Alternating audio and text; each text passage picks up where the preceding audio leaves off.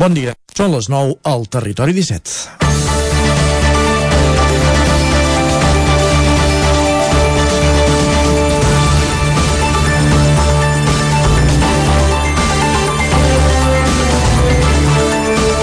Finalment ha arribat el tan esperat moment per al nostre home del temps, en Pep Acosta i tants d'altres que patim quan veiem l'entorn natural eixut. De vegades, però, i com és el cas del pantà de Sau, que estigui més o menys ple no depèn només de la falta de pluja que ha arribat aquesta nit. Sí que, sí que venim d'un estiu sec, però no perquè les reserves del pantà estiguin al 50%. Tècnicament, des de l'ACA sempre ens recorden que no ens podem mirar el pantà de Sau com un sol element forma part del denominat sistema Sau-Susqueda i en funció de les necessitats d'abastament d'aigua cap a Barcelona, de generació d'energia, de gestió de possibles avingudes o de l'estat de la qualitat o de l'estat de la qualitat de l'aigua, buiden la presa cap a Susqueda o retenen l'aigua Sau. El traspàs d'aigua cap a Susqueda coincideix amb la suma de tots aquests factors, segons l'ACA, i no només amb el fet que en ple pic del preu de l'energia s'hagi aprofitat per generar-ne, la qual cosa dona un gran benefici pel seu baix cost. El cas és que ja tornem a tenir la pluja aquí, i tant de bo veiem créixer aviat, de nou, al nivell del pantà. Benvinguts al Territori 17, a la sintonia de la veu de Sant Joan, Ona Codinenca, Ràdio Cardedeu, Ràdio Vic, el 9 FM i el 9 TV. Territori 17, amb Isaac Moreno i Jordi Sunyer.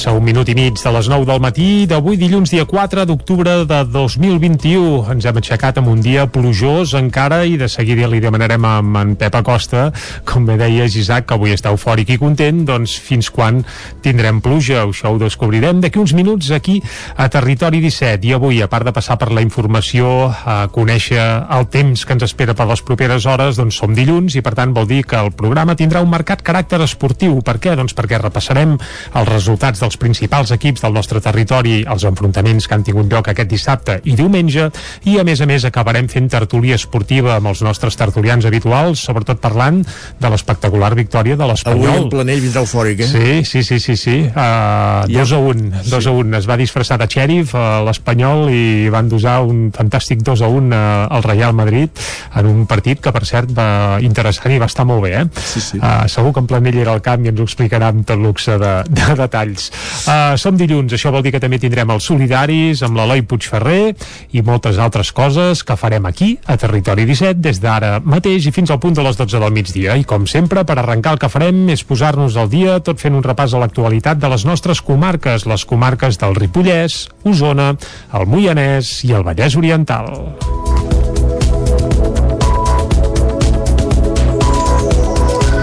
Divendres es complia el quart aniversari de l'1 d'octubre i a Osona hi va haver actes a molts pobles per recordar la jornada. A Manlleu es va inaugurar la plaça d'octubre i a Vic l'agrupació Pacte, que engloba entitats com l'NC Òmnium i el CDR o la Cambra d'Osona, va fer una concentració a l'espai 1 d'octubre davant del Sucre. Els motors de cara a la commemoració divendres de l'1 d'octubre ja feia dies que s'escalfaven. Fa un parell de dijous, l'Assemblea Nacional va presentar al Teatre del Molí de l'Esperança de Gurb una campanya destinada a denunciar els dèficits que pateix Catalunya amb l'objectiu de tornar a ser present sobretot al carrer, després del parèntesi provocat per la pandèmia. Montse Molos és la coordinadora de l'ANC a Osona. El que volem demanar, el que volem reivindicar amb aquesta campanya també és tornem a sortir, tornem a reivindicar, tornem a demanar que volem ser un, un país independent. Això l'ANC no ho hem deixat mai. El primer acte d'aquesta campanya va ser una xerrada sobre el sistema sanitari català a càrrec d'Albano Dante Fachin. L'exdiputat de Catalunya Sí que es pot va fer un retrat de quina és ara mateix la situació que viu el moviment sobiranista i va, i va detallar que durant els darrers quatre anys no s'ha resolt cap dels dèficits que van provocar el conflicte. Malgrat els indults i malgrat les històries que ens vulguin explicar, tots els fets que van portar aquesta societat durant anys a mobilitzar-se, etc continuen estant en el millor dels casos igual però en molts casos pitjor no? i per tant eh, bé, potser ha arribat el moment sense deixar els aprenentatges antirepressius perquè la repressió continua doncs una mica també passa l'atac I aquest passar l'atac, de moment, es va traduir amb una multitud d'actes vinculats a l'1 d'octubre. A Manlleu, per exemple, des de divendres ja tenen una plaça amb el nom de la data que tenen gravada a la retina molts catalans. És la que popularment es coneixia com la plaça del Mercat dels Dilluns i que a partir d'ara porta el nom d'1 d'octubre. Per commemorar els 4 anys de... també es va fer una concentració a Vic convocada per pacte que engloba entitats com l'ANC, Òmnium, el CDR, la Intersindical, la Cambra d'Osona i el Consell Local per la República. També es van fer concentracions a pobles com Ceba, Tona, Prats, Torelló o Sant Vicenç, entre d'altres. El preu del porc a la llotja de Vic encadena 3 mesos seguits a la baixa. La Xina comença a recuperar el ritme de producció interna de porcí i de mica en mica va deixant de comprar carn en mercats com el català. En les darreres setmanes han deshomologat alguns escorxadors de l'estat espanyol als quals la Xina comprava carn arran del brot de pesta porcina africana que afecta el país asiàtic des del 2018. Dos d'aquests escorxadors són d'Osona. Això ha repercutit ja en el preu del porc, que no ha fet més que baixar des del juny, quan es pagava a 2 euros i 8 cèntims al quilo, mentre que ara es paga a 1,54 cèntims. Si això hi sumem l'augment del preu del cereal, alguns ramaders ja apunten que en les darreres setmanes estan venent per sota de cost. Oriol Rovira és membre d'Unió de Pagesos. Ja estem venint a la carn de porc sota preu de cost, llavors això fa que estiguem en una situació d'intriga ja que que no sabem el temps que pot durar ni, ni si això s'acabarà d'aquí tres mesos o durarà mig any o durarà un any o com, com pot acabar la situació uh, a més a més uh, hi ha l'augment de, del preu de, del cereal que, que en el cas del port d'engreix és gairebé el 70% de, del cost llavors això fa que que de moment no es plantegi gaire bé aquest hivern. A Osona, els dos escorxadors que han perdut la llicència per vendre a la Xina són el grup Baucells Alimentació i Costa Food Meat. D'altres grups que tampoc poden exportar a la Xina són de noms coneguts com Campo Frio o la Corporació Alimentària de Guissona.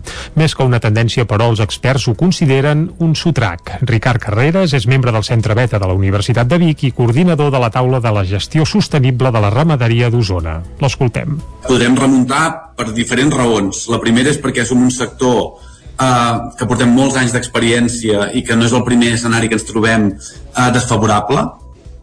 Eh, però a més a més no oblidem que el sector porcí és un sector globalitzat i per tant la llei de l'oferta i la demanda no regeix eh, a nivell territorial sinó a nivell global.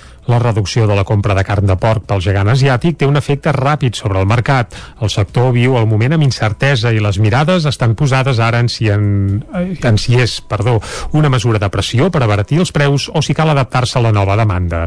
Des de l'administració asseguren que en aquest cas la feina per continuar obrint mercats està feta. Caldes de Montbui impulsa una comunitat energètica local, la primera del Vallès Oriental. A través d'aquest projecte es promourà que els habitatges incloguin energies renovables. Caral Caral, Caral Campàs, Ona Codinenca. El ple municipal de Caldes de dijous passat va aprovar per unanimitat la creació de l'anomenada Comunitat Energètica Local, un projecte que s'impulsarà a partir d'ara des de l'Oficina d'Acció Climàtica. A través d'aquesta comunitat energètica s'aprofitaran els equipaments municipals que compten amb plaques solars i se n'instal·laran en d'altres per arribar a tenir fins a 34 instal·lacions. Els veïns que visquin a prop d'aquests equipaments podran accedir a una part de la potència d'aquesta energia renovable. Jordi Martín, regidor de Medi Ambient, parlava de les modalitats modalitats que s'oferiran en el marc d'aquest projecte. S'oferiran dues modalitats. La modalitat A, on l'Ajuntament posarà a disposició dels ciutadans elegibles la cessió d'una part de les plaques fotovoltaiques dels equipaments públics. Un quilowatt de potència per família. Aquesta modalitat està pensada per persones que tinguin dificultats per fer-se una instal·lació fotovoltaica a casa seva, per exemple, i visqui de lloguer en un bloc plurifamiliar. La modalitat B està orientada a particulars i empreses que ja disposin de la seva pròpia instal·lació fotovoltaica o que tinguin intenció de fer-se-la. El desplegament es farà en dues fases. Primer hi haurà disponibles sis instal·lacions fotovoltaiques que sumaran 234 kW per la modalitat A i després hi haurà fins a 34 instal·lacions disponibles per amb dues modalitats. Les sis primeres instal·lacions sumaran 234 quilowatts, que es distribuiran de la següent manera. 134 per autoconsum municipal i 100 per a 100 famílies del municipi. És important destacar que no s'ha de canviar d'empresa comercialitzadora per participar a la cel de Caldes Tothom hi pot accedir. Per la modalitat A, caldrà viure dins d'un rai de 500 metres d'una instal·lació pública i ser elegible després d'un procés de concurs públic. I per la modalitat B, caldrà tenir instal·lada o instal·lar-se plaques fotovoltaiques. La CEL començarà a ser operativa a principis de l'any vinent, però a partir del 5 d'octubre ja s'oferiran preinscripcions des de l'Oficina d'Acció Climàtica.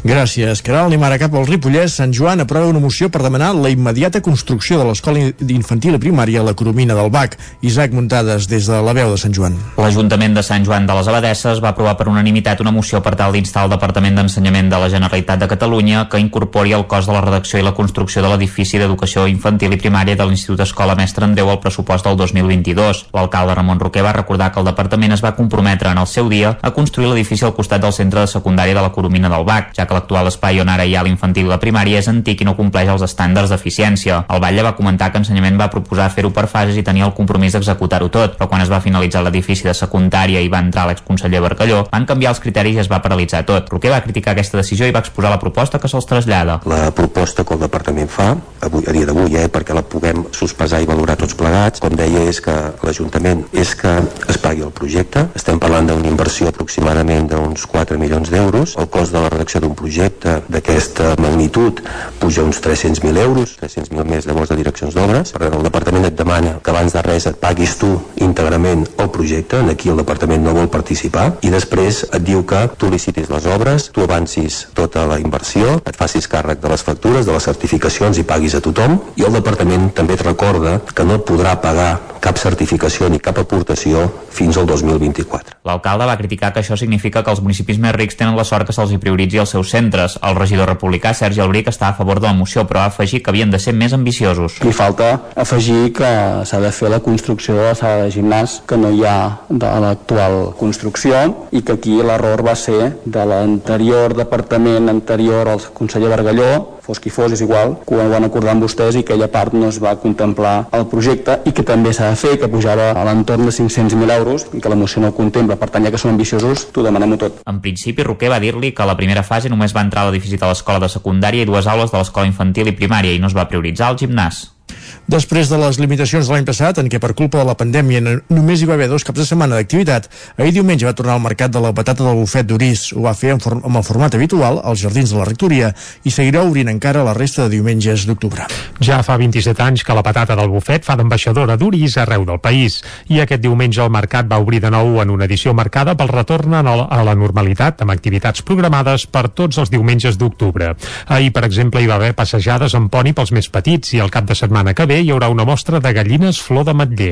El següent es farà la 25a edició del concurs de pintura ràpida i el darrer diumenge es recuperarà la castanyada. Pel que fa a la producció de patata del bufet, els productors reconeixen que aquest any ha sigut bo. Se n'han posat a la venda entre 14.000 i 15.000 quilos i el preu és el mateix de l'any passat.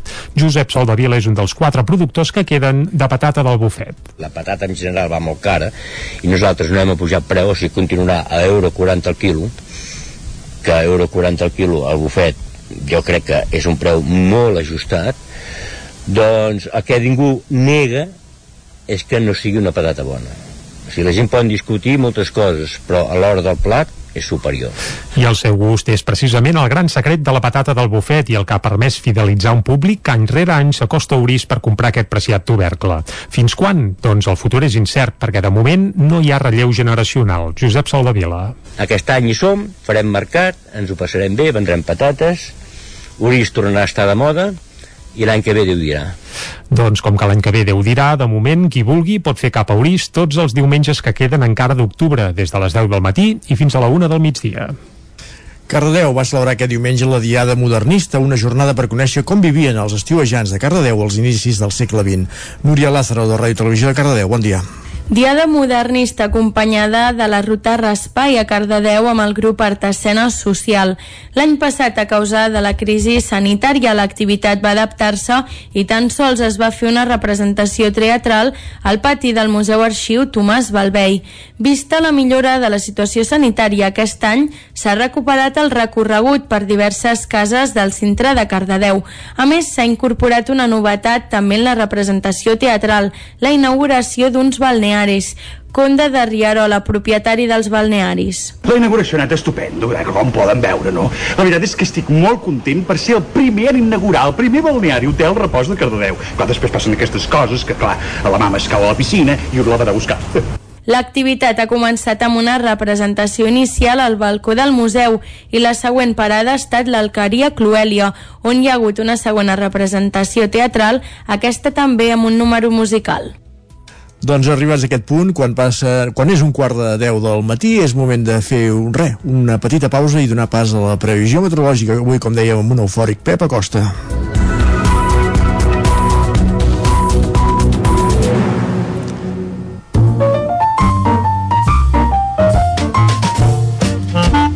Casa Terradellos us ofereix el temps. Doncs va, saludem ara mateix en Pep, que quan hi ha pluja, quan, quan la cosa està moguda, sempre està una mica més alegre. Pep, molt bon dia. Hola, molt bon dia. I molt bona hora, oi, com Què riu. tal esteu? Bé. Comencem setmana, la primera sencera d'aquest mes d'octubre de l'any 2021 i ho fem ja, ara sí, amb un temps de plena tardor. Per què? Què és el culpable? Aviam, va. Doncs un front extraordinari, un front molt ben marcat, i un front que té una llargada molt important des dels països nòrdics, Suècia, Noruega, Finlàndia, fins al Marroc. És un front llarguíssim i que ens ha afectat eh, aquest cap de setmana. Eh? Aquest cap de setmana ens ha afectat, és un front atlàntic de primera categoria, el clàssic front atlàntic ja de, de, de tardor i eh, per fi, per fi ha plogut, per fi comença a haver-hi ambient de tardor. Ja la tenim aquí, que, que, que diríem, eh? Que diríem això, que ja la tenim aquí. Dades. Dades, va. Uh, encara divendres, dissabte, va fer un ambient uh, molt agradable, temperatures altes, però ahir, ahir aquest front ja ho va començar a canviar tot. Sobretot va començar a afectar a alta muntanya, va començar el canvi per allà, ahir va ploure 20-30 litres, sobretot la zona de Uidater, Núria, aquella zona, a altes zones de fora del Pirineu les pluges van ser més modestes, però aquesta matinada aquest front afectat sobretot la zona prelitoral. Prelitoral, Vallès Oriental, trobem valors de 30-40 litres, molt necessaris aquests, aquesta precipitació, uh, és, és un, eh, un regal, és, és una meravella aquesta aigua que ha caigut, però uh, més o menys a tots els jocs que jo hagi vist, a totes les dades que jo he vist, ha pogut més de 10-15 litres eh, a les comarques, ostres, és, és, és, feia molt temps que no plovia això, més de 10-15 litres a, tot, a totes les poblacions de les comarques i sens dubte ajudarà una mica a, a passar aquesta sequera, aquesta sequera enorme que tenim aquest any, eh, aquest dèficit hídric que tenim aquest any 2021, que vaig insistint sempre en això, mica en mica l'anem passant. Ja està glaçant a la zona del Pirineu, està nevant, Baiter, Núria, que, totes aquestes zones, ja hi ha neu, vestiments, eh, Puigmal, lògicament, un poder més de, de 10 centímetres, 10-15 centímetres, nevada bastant important per a, la, a les alçades que, que estem. Uh, també les mínimes han baixat no només alta muntanya, que està glaçant, sinó uh, cap a Montseny també tenim 6-7 graus només a, a la part més alta, i la majoria de mínimes estan entre els 10 12 graus com a molt. Durant el dia d'avui, què passarà, eh? Uh, deixem ja uh, enrere aquest front, aquesta, aigua, aquesta Ah. aigua que hem tingut, aquestes pluges. I anem avui. Molt bé. I avui el front s'anirà anirà marxant. Uh, encara les pròximes hores pot caure alguna gota, poca cosa.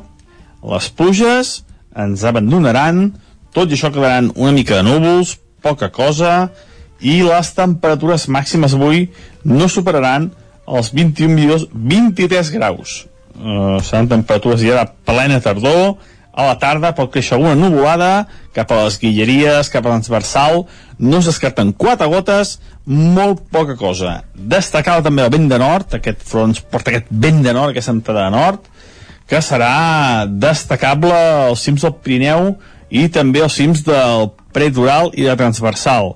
I això és tot, a disfrutar del dia d'avui. I com deia aquest front ha sigut una cosa extraordinària ens ha anat molt bé, molt bé, molt bé per la sequera que tenim s'ha de valorar i és, és un bé, és un bé aquest front que hem tingut moltes gràcies, adeu, bon dia Vinga, que vagi bé, Pep, molt bon dia. Estarem al cas, Isaac, eh, fins al migdia encara pot anar plovent, doncs però va. sembla que després tornarà la bonança. Doncs va. Doncs va, i amb aquesta bonança anirem cap al quiosc, aquí a Territori 17. Elles us ha ofert aquest espai. Doncs com bé deia Jordi, anem cap al quiosc que conèixer les portades dels diaris que, que han sortit aquest matí. Va, i com que som Ara, ara, posem-hi música, anava a dir, com que som dilluns, doncs arrenquem uh, pel 9-9. I, si et sembla, per l'edició vermella d'Osona i el Ripollès, que titula Prop de 2.000 treballadors encara s'han vist afectats per ERTOs aquest any. El govern espanyol va aprovar prorrogar els expedients fins a finals de febrer, en aquest cas del 2022. Per tant, encara n'hi pot haver per uns quants mesos més d'ERTOs. La foto gran del 9-9 d'Osona i el Ripollès és pel nou grup caní dels bombers uh, de Vic. Es veuen un parell, no, no un parell, sinó tres gossos, tots molt trempats, que bé que a partir d'ara doncs, també ajudaran els bombers eh, usonencs en les, seves tasques.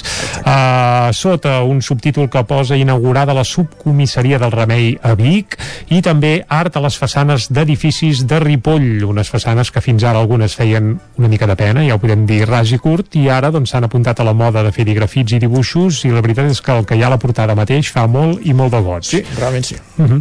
Més coses, va, anem cap al 9-9 del Vallès Oriental, on titulen que un altre motorista mor en un accident al Vallès Oriental, ara l'AP7, en aquest cas a la Roca del Vallès, i es veu que és el quart pilot que perd la vida en els vuit accidents mortals que hi ha hagut aquest any. Pel que fa a la fotografia de portada, és per unes carbasses gegantines, eh, i titulen que pagesos que fan el tom a l'ecològic. El Consell de la Producció Ecològica ha concedit el seu segell a 79 activitats del Vallès Oriental. Per tant, com a mínim hi ha 79 pagesos o explotacions eh, del Vallès Oriental que fan producció ecològica i bé, si en producció ecològica fan aquestes carbasses que hi ha a la portada, déu nhi perquè la veritat és que una persona sola no sé pas si l'aixecaria, aquí són un parell per aixecar-ho, eh? Sí, el món de les carbasses és, és, en aquest aspecte és espectacular. És sí. espectacular. A més a més, també es veu una foto de la porxada de Granollers, a 4 anys del primer d'octubre, titulant amb un raconet el 9-9 del Vallès Oriental, i també la policia posa fre a l'ocupació de la fàbrica vella d'aigua del Montseny. A més, a sota hi ha un titular que diu Soc pallassa i és perquè el Festival Internacional de Pallasses, que es fa al Circric de Sant Esteve de Palau Tordera, ha tornat aquest cap de setmana. I la fotografia és per la Rosi Bolt, que és l'àlies de la Daphne Closo, que va ser present precisament en aquest festival.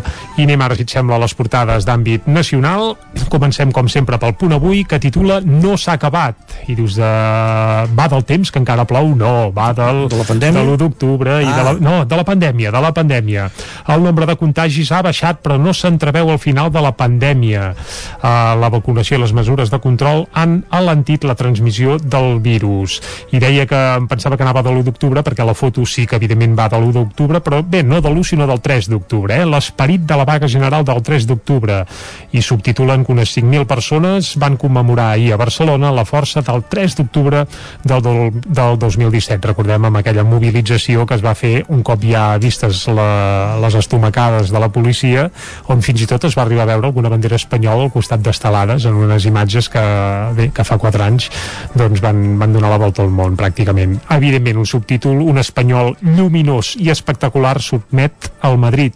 D'això en parlarem a la part final del programa d'avui, on suposo que els tertulians pericos vindran eufòrics. Bé, bàsicament un, eh? El, el, el, el Lluís de Planell. Anem a l'ara, va. Va ràpid. Renault vol entrar en el maco projecte de planta de bateries. Recordem que és aquella planta on fins fa poc hi havia la Nissan, doncs ara hi volen fer una planta de bateries elèctriques uh, i la foto és per Casado, que se'n va anar a la plaça de Braus del, de València i el titular és portarem portarem Puigdemont al Suprem. De moment, Puigdemont avui és a l'Alguer, on a les 11 haurà de declarar davant el jutge de Sàsser. Encara, Uh, encara que ja haguem d'anar a l'últim país d'Europa a fer-nos respectar, va dir. Sí, no, no sé quin país... Uh, bé, tal vez podríem fer... Bé, no, Això no. vol dir que admet que els altres països no el respecten. En fi, és igual. Uh, bé, i tot plegat, la Vanguardia ho... Mira, aquest cop l'encerten perquè diuen Casado assumeix el discurs de Vox sobre Catalunya, amb una foto també de la plaça de Toros de València plena de gom a gom, aquesta és la foto uh, de la Vanguardia, i el titular gros, per això no és per aquesta foto, sinó la crisi mundial de subministraments amenaça el Black Friday i el Nadal. Uh, uf, jo he quedat escandalitzat amb això del Black Friday, eh? Sí. Uh, quina por que ens fa. No podem comprar res pel, pel Friday aquest. Bueno, uh, què hi farem? No, Anem- la, la, cosa és greu, eh? Però, en fi... Sí, sí, no, no, evidentment, però val Però- més fer-hi cunyeta perquè Val més, sí, sí, agafem-nos-ho bé, agafem-nos-ho bé. Anem ràpidament cap al periòdico. Brussel·les mai ha paralitzat un aeroport pel medi ambient. El periòdico que s'apunta també a, bé, a l'avantguàrdia i ara es mostren favorables a l'ampliació de, de l'aeroport de, de Barcelona. I la foto, bany de masses amb gestos a Vox i es veu Casado a la plaça de Braus de València com si fos un torero, ras i curt, eh? I, I ara sí que de- deu venir Casado per un tubo perquè anem a les portades de Madrid. Sí, anem al país, va. Els negocis opacs de 35 líders internacionals i 600 espanyols. Uh, a la foto hi posen la Corina, amb, que és una de les que es veu que estafava calés, i bé, a la llista n'hi ha uns quants més, eh? Uh, No surt en Guardiola? Sí, ah. però el país... Ah, sí, Pep Guardiola es va acollir un, a l'amnistia fiscal de Rajoy perquè tenia calés a Andorra. Això és el que subtitula uh, el país. Uh, Casado assumeix l'estratègia d'Ayuso co- uh, contra Vox a la convenció del PP. Això també surt al, al país. Anem ara a la Razón, on evidentment posen en Casado, en Casado amb una foto allò ocupant tota la portada. Un partit unit i fort capaç de rescatar els espanyols de la ruïna, entre cometes, tot plegat, eh? Però bé, així és com com la gent de la Razón veu a Casado. Em meravella el seu concepte de partit unit. Uh, bé, mm, de, de, deixem-ho aquí, no fem més comentaris i anem a l'ABC, on diuen Margarita Robles entregava fons reservats a la Casa del Rei en metàl·lic per no deixar rastre. Uh, clar, Margarita Robles, que es veu que l'any 94 anava amb, amb 5 milions de pessetes que els donava tinc, trinco, trinco um, del Banc d'Espanya directament al rei sí. que és que quasi fa, fa, fa mig bueno, tant és, i Casado anuncia la convenció del PP com l'inici del canvi amb una foto també de saludant el personal que hi havia congregat ahir a la plaça de Toros de València i fins aquí el repàs de les portades Fem una pausa i tornem a partir de dos quarts de deu del matí en punt. El nou FM, la ràdio de casa, al 92.8. Cefusol, centre de formació de soldadura GURB. Som especialistes en processos de soldadura. Disposem d'instal·lacions totalment equipades per classes de teòrica i pràctica amb cabines individuals i equipaments de seguretat. Assessorem empreses i oferim cursos subvencionats i bonificats. Vine i t'informarem. Cefusol, som al carrer Sant Roc número 21 de GURB. Telèfon 664 206 192. També ens trobaràs a cefusol.com i a YouTube. El racó de León. Gaudeix de la nostra terrassa. Vine a tastar les xuletilles de lechal a la brasa amb una bona amanida o el xuletón de vedella gallega. No et pots perdre el nostre lechado de Castilla al forn o el cochinillo a l'estil de Segovia. Tot acompanyat del millor celler, al menjador o fora la terrassa. Descobreix la millor cuina de Lleó sense moure't de casa. Vine amb la família, els amics, la parella o sol. T'encantarà. El racó de León, cuina tradicional lleonesa i de mercat. Som al carrer Torelló número 35 de Vic. Per reserves, telèfon 93 889 1950. El racó de León, una cuina diferent. Som especialistes en cargols a la llauna. Vine a tastar-los al racó de León. Això és el que s'escolta al voltant d'una caldera Saunier d'Oval. Tranquilitat i benestar, perquè gaudeix del millor manteniment del servei tècnic oficial per estar despreocupat. O el que vulgui. Informis a Oficiat Nord trucant al 938860040. Saunier d'Oval, sempre al seu costat. Cobertes serveis funeraris. Els nostres tanatoris estan ubicats en els nuclis urbans més poblats de la comarca d'Osona per oferir un millor servei. Tanatori de Vic, Tanatori de Manlleu, Tanatori de Centelles i Tanatori de Roda de Ter. Sabem que són moments difícils i per això el nostre compromís és atendre-us en tot moment amb un tracte humà, sensible i respectuós. Cobertes serveis funeraris. Telèfon 24 hores 93 883 23 46. OBS, la marca de moda líder a Itàlia, arriba a Vic amb la col·lecció per nens fins a 15 anys. Vesteix els petits amb roba OBS, peces fabricades amb cotó orgànic pensades especialment per la pell dels infants. El cotó orgànic d'OBS està cultivat sense pesticides i amb un impacte reduït en el medi ambient. OBS, des d'Itàlia per tu, al carrer Argenters 20 de Vic. Diumenge 10 d'octubre, Ceba torna a ser l'epicentre dels bolets a Catalunya. 23a edició de la Festa del Bolet. Parades, tastets, exposicions i concursos. I si ets dels que els costa trobar-los, participa a la sortida guiada. La Simfolosa posarà la música a la jornada amb la seva xaranga. El 10 d'octubre tens una cita amb els bolets a Ceba. El nou FM, el nou FM, el nou FM, el. Són dos quarts de deu. Territori 17, amb Isaac Moreno i Jordi Sunyer.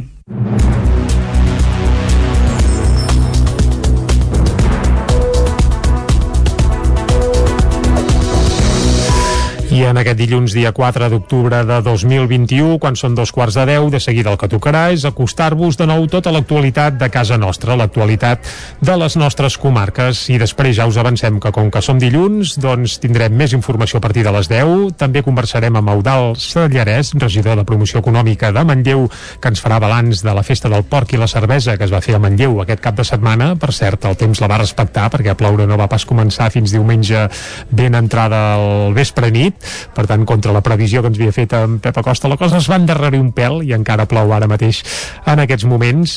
Més coses que farem al territori 17 d'avui, doncs també farem un repàs als principals resultats dels equips del nostre territori d'aquest cap de setmana i acabarem fent tertúlia esportiva amb els nostres tertulians habituals. Pel camí, a més a més, tindrem un forat pels solidaris amb l'Eloi Puigferrer i anirem també a la R3, on avui hi torna a haver festival, ja que hi ha jornada de vaga i sembla que, que la cosa va de mal en i pluja i ja no només és, el, és la, la línia de tren sinó tots, tots les, els accessos a Barcelona Sí, recordem, sí. distrets avui sí, recordem que la R3 ja vaga no només avui, sinó tota la setmana. L'únic dia que en teoria no n'hi ha és dimecres, que sembla que hi ha una petita, preva, eh, una petita treva, la resta de dies sí que hi ha afectacions per aquesta vaga que ja fa uns quants dies que va tenint episodis i que anirem seguint. I ara sí, va, anem a repassar de nou l'actualitat de les nostres comarques, les comarques del Ripollès, Osona, el Moianès i el Vallès Oriental. Divendres es complia el quart aniversari de l'1 d'octubre i a Osona hi va haver actes a molts pobles per recordar la jornada. A Manlleu es va inaugurar la plaça d'octubre i a Vic l'agrupació Pacte, que engloba entitats com l'NC Òmnium i el CDR o la Cambra d'Osona, va fer una concentració a l'espai 1 d'octubre davant del Sucre. Els motors de cara a la commemoració divendres de l'1 d'octubre ja feia dies que s'escalfaven. Fa un parell de dijous, l'Assemblea Nacional va presentar al Teatre del Molí de l'Esperança de Gurb una campanya destinada a denunciar els dèficits que pateix Catalunya amb l'objectiu de tornar a ser present sobretot al carrer, després del parèntesi provocat per la pandèmia. Montse Molos és la coordinadora de l'ANC a Osona. El que volem demanar, el que volem reivindicar amb aquesta campanya també és tornem a sortir, tornem a reivindicar, tornem a demanar que volem ser un, un país independent. Això l'ANC no ho hem deixat mai. El primer acte d'aquesta campanya va ser una xerrada sobre el sistema sanitari català a càrrec d'Albano Dante Fachin. L'exdiputat de Catalunya Sí que es pot va fer un retrat de quina és ara mateix la situació que viu el moviment sobiranista i va, tallar, i va detallar que durant els darrers quatre anys no s'ha resolt cap dels dèficits que van provocar el conflicte. malgrat els indults i malgrat les històries que ens vulguin explicar, tots els fets que van portar aquesta societat durant anys a mobilitzar-se, etc., continuen estant en el millor dels casos igual però en molts casos pitjor no? i per tant eh, bé, potser ha arribat el moment sense deixar els aprenentatges antirepressius perquè la repressió continua doncs una mica també passa l'atac I aquest passar a l'atac de moment es va traduir amb una multitud d'actes vinculats a l'1 d'octubre. A Manlleu, per exemple, des de divendres ja tenen una plaça amb el nom de la data que tenen gravada a la retina molts catalans. És la que popularment es coneixia com la plaça del Mercat dels Dilluns i que a partir d'ara porta el nom d'1 d'octubre. Per commemorar els 4 anys de, també es va fer una concentració a Vic convocada per pacte que engloba entitats com l'ANC, Òmnium, el CDR, la Intersindical, la Cambra d'Osona i el Consell Local per la República. També es van fer concentracions instal·lacions a pobles com Ceba, Tona, Prats, Torelló o Sant Vicenç, entre d'altres. El preu del porc a la llotja de Vic encadena 3 mesos seguits a la baixa. La Xina comença a recuperar el ritme de producció interna de porcí i de mica en mica va deixant de comprar carn en mercats com el català. En les darreres setmanes han deshomologat alguns escorxadors de l'estat espanyol als quals la Xina comprava carn arran del brot de pesta porcina africana que afecta el país asiàtic des del 2018. Dos d'aquests escorxadors són d'Osona. Això ha repercutit ja en el preu del porc, que no ha fet més que baixar des del juny, quan es pagava a 2 euros i 8 cèntims al quilo, mentre que ara es paga a 1,54 cèntims. Si a això hi sumem l'augment del preu del cereal, alguns ramaders ja apunten que en les darreres setmanes estan venent per sota de cost. Oriol Rovira és membre d'Unió de Pagesos. Ja estem venint la carn de porc sota preu de cost llavors això es fa que estiguem en una situació d'intriga ja que que no sabem el temps que pot durar ni, ni si això s'acabarà d'aquí tres mesos o durarà mig any o durarà un any o com, com pot acabar la situació uh, a més a més uh, hi ha l'augment de, del preu de, del cereal que, que en el cas del port d'engreix és gairebé el 70% de, del cost llavors això fa que que de moment no es plantegi gaire bé aquest hivern. A Osona, els dos escorxadors que han perdut la llicència per vendre a la Xina són el grup Baucells Alimentació i Costa Food Meat. D'altres grups que tampoc poden exportar a la Xina són de noms coneguts com Campo Frio o la Corporació Alimentària de Guissona. Més que una tendència, però, els experts ho consideren un sotrac. Ricard Carreras és membre del Centre Beta de la Universitat de Vic i coordinador de la taula de la gestió sostenible de la ramaderia d'Osona. L'escoltem. Podem remuntar per diferents raons. La primera és perquè som un sector eh, que portem molts anys d'experiència i que no és el primer escenari que ens trobem eh, desfavorable. Eh, però a més a més no oblidem que el sector porcí és un sector globalitzat i per tant la llei de l'oferta i la demanda no regeix eh, a nivell territorial sinó a nivell global. La reducció de la compra de carn de porc pel gegant asiàtic té un efecte ràpid sobre el mercat. El sector viu el moment amb incertesa i les mirades estan posades ara en si, en, en si és perdó, una mesura de pressió per abatir els preus o si cal adaptar-se a la nova demanda. Des de l'administració asseguren que en aquest cas la feina per continuar obrint mercats està feta. Caldes de Montbui impulsa una comunitat energètica local, la primera del Vallès Oriental. A través d'aquest projecte es promourà que els habitatges incloguin energies renovables. Caral Caral, Caral Campàs, Ona Codinenca.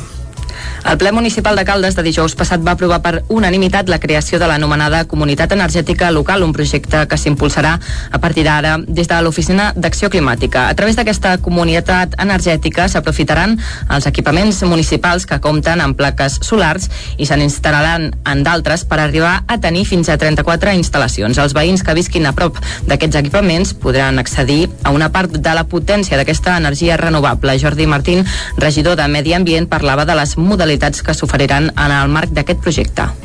S'oferiran dues modalitats. La modalitat A, on l'Ajuntament posarà a disposició dels ciutadans elegibles la cessió d'una part de les plaques fotovoltaiques dels equipaments públics. Un quilowatt de potència per família. Aquesta modalitat està pensada per persones que tinguin dificultats per fer-se una instal·lació fotovoltaica a casa seva, per exemple, i visqui de lloguer en un bloc plurifamiliar. La modalitat B està orientada a particulars i empreses que ja disposin de la seva pròpia instal·lació fotovoltaica o que tinguin intenció de fer-se-la. El desplegament es farà en dues fases. Primer hi haurà disponibles sis instal·lacions fotovoltaiques que sumaran 234 kW per la modalitat A i després hi haurà fins a 34 instal·lacions disponibles per amb dues modalitats. Les sis primeres instal·lacions sumaran 234 quilowatts, que es distribuiran de la següent manera. 134 per autoconsum municipal i 100 per a 100 famílies del municipi. És important destacar que no s'ha de canviar d'empresa comercialitzadora per participar a la cel de Caldes. Tothom hi pot accedir. Per la modalitat A caldrà viure dins d'un rai de 500 metres d'una instal·lació pública i ser elegible després d'un procés de concurs públic. I per la modalitat B caldrà tenir instal·lada o instal·lar-se plaques fotovoltaiques. La CEL començarà a ser operativa a principis de l'any vinent, però a partir del 5 d'octubre ja s'oferiran preinscripcions des de l'Oficina d'Acció Climàtica. Gràcies, Caral. Anem ara cap al Ripollès. Sant Joan aprova una moció per demanar la immediata construcció de l'escola d'infantil i primària a la Coromina del Bac. Isaac Muntades, des de la veu de Sant Joan. L'Ajuntament de Sant Joan de les Abadesses va aprovar per unanimitat una moció per tal d'instar el Departament d'Ensenyament de la Generalitat de Catalunya que incorpori el cost de la redacció i la construcció de l'edifici d'educació infantil i primària de l'Institut Escola Mestre en Déu al pressupost del 2022. L'alcalde Ramon Roquer va recordar que el departament es va comprometre en el seu dia a construir l'edifici al costat del centre de secundària de la Coromina del Bac, ja que l'actual espai on ara hi ha l'infantil i la primària és antic i no compleix els estàndards d'eficiència. El Batlle va comentar que Ensenyament va proposar fer-ho per fases i tenia el compromís d'executar-ho tot, però quan es va finalitzar l'edifici de secundària i va entrar l'exconseller Barcalló, van canviar els criteris i es va paralitzar tot. Roquer va criticar aquesta decisió i va exposar la proposta que se'ls trasllada. La proposta que el departament fa, avui, a dia d'avui, eh, perquè la puguem sospesar i valorar tots plegats, com deia, és que l'Ajuntament és que es pagui el projecte. Estem parlant d'una inversió aproximadament d'uns 4 milions d'euros. El cost de la redacció d'un projecte d'aquesta magnitud puja uns 300.000 euros, 300.000 més llavors de direccions d'obres. Per tant, el departament et demana que abans de res et paguis tu íntegrament el projecte, en aquí el departament no vol participar, i després et diu que tu licitis les obres, tu avancis tota la inversió, et facis càrrec de les factures, de les certificacions i paguis a tothom, i el departament també et recorda que no et podrà pagar cap certificació ni cap aportació fins al 2024. L'alcalde va criticar que això significa que els municipis més rics tenen la sort que se'ls hi prioritzi els seus centres. El regidor republicà Sergi Albric està a favor de la moció, però va afegir que havien de ser més ambiciosos. I falta afegir que s'ha de fer la construcció de la sala de gimnàs que no hi ha de l'actual construcció i que aquí l'error va ser de l'anterior departament anterior al conseller Bargalló fos qui fos, és igual, que ho van acordar amb vostès i aquella part no es va contemplar el projecte i que també s'ha de fer, que pujava a l'entorn de 500.000 euros i que la moció no ho contempla. Per tant, ja que són ambiciosos, t'ho demanem-ho tot. En principi, Roquer va dir-li que la primera fase només va entrar a l'edifici de l'escola de secundària i dues aules de l'escola infantil i primària i no es va prioritzar el gimnàs. Després de les limitacions de l'any passat, en què per culpa de la pandèmia no- només hi va haver dos caps de setmana d'activitat, ahir diumenge va tornar al mercat de la patata del bufet d'Urís. Ho va fer amb el format habitual als jardins de la rectoria i seguirà obrint encara la resta de diumenges d'octubre. Ja fa 27 anys que la patata del bufet fa d'ambaixadora d'Uris arreu del país i aquest diumenge el mercat va obrir de nou en una edició marcada pel retorn a la, a la normalitat amb activitats programades per tots els diumenges d'octubre. Ahir, per exemple, hi va haver passejades amb poni pels més petits i el cap de setmana que ve hi haurà una mostra de gallines flor de matller. El següent es farà la 25a edició del concurs de pintura ràpida i el darrer diumenge es recuperarà la castanyada. Pel que fa a la producció de patata del bufet, els productors reconeixen que aquest any ha sigut bo. Se n'han posat a la venda entre 14.000 i 15.000 quilos i el preu és el mateix de l'any passat. Josep Soldavila és un dels quatre productors que queden de patata del bufet. La patata en general va molt cara i nosaltres no hem apujat preu, o sigui, continuarà a euro 40 el quilo, que euro 40 el quilo el bufet jo crec que és un preu molt ajustat, doncs el que ningú nega és que no sigui una patata bona. O sigui, la gent pot discutir moltes coses, però a l'hora del plat és superior. I el seu gust és precisament el gran secret de la patata del bufet i el que ha permès fidelitzar un públic que any rere any s'acosta a Urís per comprar aquest preciat tubercle. Fins quan? Doncs el futur és incert, perquè de moment no hi ha relleu generacional. Josep Saldavila. Aquest any hi som, farem mercat, ens ho passarem bé, vendrem patates, Urís tornarà a estar de moda, i l'any que ve Déu dirà. Doncs com que l'any que ve Déu dirà, de moment qui vulgui pot fer cap a Urís tots els diumenges que queden encara d'octubre, des de les 10 del matí i fins a la 1 del migdia. Cardedeu va celebrar aquest diumenge la Diada Modernista, una jornada per conèixer com vivien els estiuejants de Cardedeu als inicis del segle XX. Núria Lázaro, de Ràdio Televisió de Cardedeu, bon dia. Diada modernista acompanyada de la ruta Raspai a Cardedeu amb el grup Artesena Social. L'any passat, a causa de la crisi sanitària, l'activitat va adaptar-se i tan sols es va fer una representació teatral al pati del Museu Arxiu Tomàs Balvei. Vista la millora de la situació sanitària aquest any, s'ha recuperat el recorregut per diverses cases del centre de Cardedeu. A més, s'ha incorporat una novetat també en la representació teatral, la inauguració d'uns balnearis. Conde de Riarola, propietari dels balnearis. La inauguració ha anat estupendo, eh, com poden veure, no? La veritat és que estic molt content per ser el primer en inaugurar el primer balneari hotel repòs de Cardedeu. Clar, després passen aquestes coses que, clar, a la mama es cau a la piscina i us la d'anar a buscar. L'activitat ha començat amb una representació inicial al balcó del museu i la següent parada ha estat l'Alqueria Cloèlia, on hi ha hagut una segona representació teatral, aquesta també amb un número musical. Doncs arribats a aquest punt, quan, passa, quan és un quart de 10 del matí, és moment de fer un re, una petita pausa i donar pas a la previsió meteorològica. Avui, com dèiem, amb un eufòric Pep Acosta.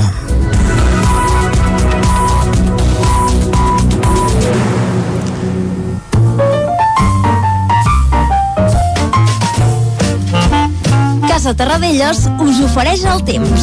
Doncs va, saludem ara mateix en Pep, que quan hi ha pluja, quan, quan la cosa està moguda, sempre està una mica més alegre. Pep, molt bon dia. Hola, molt bon dia. Molt bona hora, oi, com Què riu. tal esteu? Eh... Comencem setmana, la primera sencera d'aquest mes d'octubre de l'any 2021 i ho fem ja, ara sí, amb un temps de plena tardor. Per què?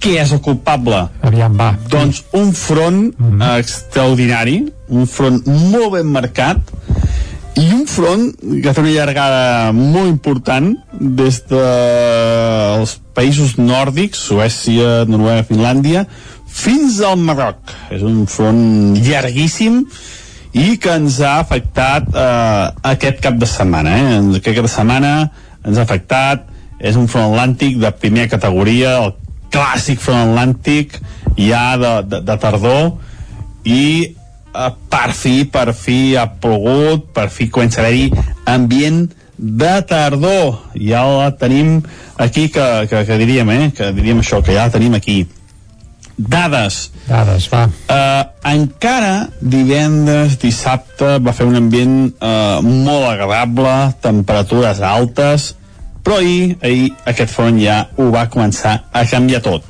Sobretot va començar a afectar alta muntanya, va començar el canvi per allà, ahir va ploure 20-30 litres, sobretot la zona de Uidater, Núria, aquella zona, a altres zones de fora del Pirineu les pluges van ser més modestes però aquesta matinada aquest front afectat sobretot la zona prelitoral prelitoral, Vallès Oriental trobem valors de 30-40 litres molt necessaris aquests, aquesta precipitació. Uh, és, és un, eh, un regal és, és una meravella aquesta aigua que ha caigut. Però uh, més o menys a tots els jocs que jo hagi vist a totes les dades que jo he vist ha plogut més de 10-15 litres eh, a les comarques. Ostres, és, és, és, feia molt temps que no plovia això més de 10-15 litres a, tot, a totes les poblacions en les comarques i sens dubte ajudarà una mica a, a passar aquesta sequera aquesta sequera enorme que tenim aquest any eh, aquest dèficit hídric que tenim aquest any 2021 que vaig insistint sempre en això mica en mica l'anem passant.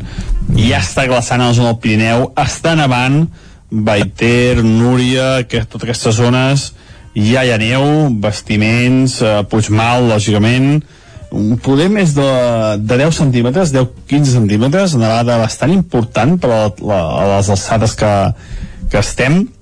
Uh, també les mínimes han baixat no només a alta muntanya, que està glaçant, sinó uh, cap a Montseny també tenim 6-7 graus només a, a la part més alta, i la majoria de mínimes estan entre els 10 12 graus com a molt. Durant el dia d'avui, què passarà, eh? Uh, deixem ja uh, enrere aquest front, aquesta, aigua, aquesta aigua que hem tingut, aquestes pluges. Anem avui. Molt bé.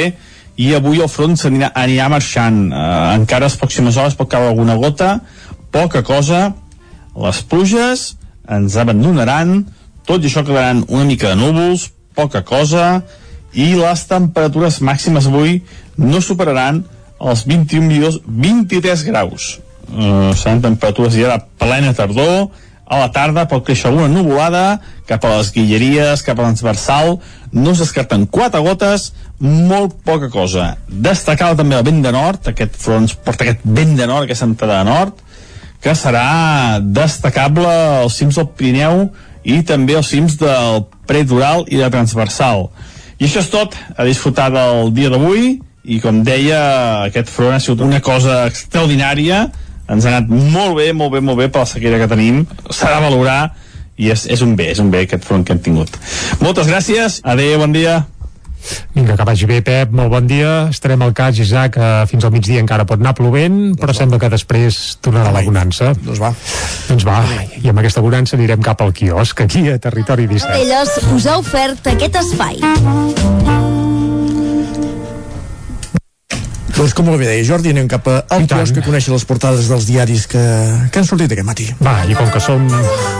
Ara, ara, posem-hi música, anava a dir, com que som dilluns, doncs arrenquem uh, pel 9-9. I, si et sembla, per l'edició vermella d'Osona i el Ripollès, que titula Prop de 2.000 treballadors encara s'han vist afectats per ERTOs aquest any. El govern espanyol va aprovar prorrogar els expedients fins a finals de febrer, en aquest cas del 2022. Per tant, encara n'hi pot haver per uns quants mesos més d'ERTOs. La foto gran del 9-9 d'Osona i el Ripollès és pel nou grup caní dels bombers eh, de Vic. Es veuen un parell, no, no un parell, sinó tres gossos, tots molt trempats, que bé que a partir d'ara doncs, també ajudaran els bombers eh, usonencs en les seves tasques.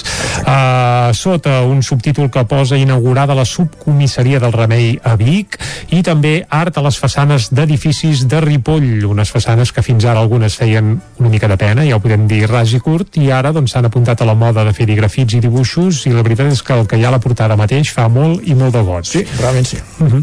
Més coses, va, anem cap al 9-9 del Vallès Oriental, on titulen que un altre motorista mor en un accident al Vallès Oriental, ara a l'AP7, en aquest cas a la Roca del Vallès, i es veu que és el quart pilot que perd la vida en els vuit accidents mortals que hi ha hagut aquest any. Pel que fa a la fotografia de portada, és per unes carbasses gegantines, eh, i titulen que pagesos que fan el tom a l'ecològic. El Consell de la Producció Ecològica ha concedit el seu segell a 79 activitats del Vallès Oriental. Per tant, com a mínim hi ha 79 pagesos o explotacions eh, del Vallès Oriental que fan producció ecològica i bé, si en producció ecològica fan aquestes carbasses que hi ha a la portada, déu nhi perquè la veritat és que una persona sola no sé pas si l'aixecaria, aquí són un parell per aixecar-ho, eh? Sí, el món de les carbasses és, en aquest aspecte és espectacular. És espectacular. A més a més, també es veu una foto de la porxada de Granollers, a 4 anys del primer d'octubre, titulant amb un raconet el 9-9 del Vallès Oriental, i també la policia posa fre a l'ocupació de la fàbrica vella d'aigua del Montseny. A més, a sota hi ha un titular que diu Soc pallassa i és perquè el Festival Internacional de Pallasses, que es fa al Circric de Sant Esteve de Palau Tordera, ha tornat aquest cap de setmana i la fotografia és per la Rosie Bolt, que és l'àlies de la Daphne Clouseau, que va ser present precisament en aquest festival. I anem ara, si et sembla, a les portades d'àmbit nacional. Comencem, com sempre, pel punt avui, que titula No s'ha acabat. I dius, uh, va del temps, que encara plou? No, va del, de la pandèmia? de l'1 d'octubre i de la, no, de la pandèmia, de la pandèmia. El nombre de contagis ha baixat, però no s'entreveu al final de la pandèmia. Uh, la vacunació i les mesures de control han alentit la transmissió del virus. I deia que em pensava que anava de l'1 d'octubre, perquè la foto sí que evidentment va de l'1 d'octubre, però bé, no de l'1 sinó del 3 d'octubre, eh? l'esperit de la vaga general del 3 d'octubre. I subtitulen que unes 5.000 persones van commemorar ahir a Barcelona la força del 3 d'octubre del, del 2017. Recordem amb aquella mobilització que es va fer un cop ja vistes la, les estomacades de la policia, on fins i tot es va arribar a veure alguna bandera espanyola al costat d'estelades en unes imatges que, bé, que fa 4 anys doncs van, van donar la volta al món pràcticament. Evidentment, un subtítol, un espanyol lluminós i espectacular sotmet al Madrid. D'això en parlarem a la part final del programa d'avui, on suposo que els tertulians pericos vindran eufòrics. Bé, bàsicament un, eh? El, el, el, el Lluís de Planell. Anem a l'ara, va. Va ràpid. Renault vol entrar en el maco projecte de planta de bateries.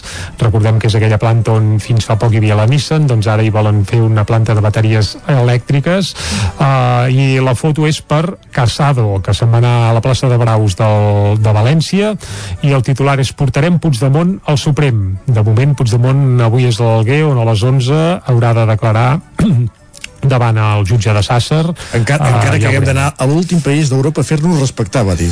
No, no sé quin país uh, bé, a més podríem fer bé, no, no. Això vol dir que admet que els altres països no el respecten en fi, és. Uh, bé, i tot plegat la Vanguardia ho... mira, aquest cop l'encerten perquè diuen Casado assumeix el discurs de Vox sobre Catalunya, amb una foto també de la plaça de Toros de València plena de gom a gom, aquesta és la foto uh, de la Vanguardia i el titular gros, per això no és per aquesta foto sinó la la crisi mundial de subministraments amenaça el Black Friday i el Nadal. Uh, uf, jo he quedat escandalitzat amb això del Black Friday, eh? Sí. Uh, quina por que ens fa. No podem comprar res pel, pel Friday aquest. Uh, uh, què hi farem? No, la, la, la cosa és greu, eh? Però, en fi... Sí, sí, no, no, evidentment, però, però... Però- val més fer-hi cunyeta perquè Val més, sí, sí, agafem-nos-ho bé, agafem-nos-ho bé. Anem ràpidament cap al periòdico. Brussel·les mai ha paralitzat un aeroport pel medi ambient.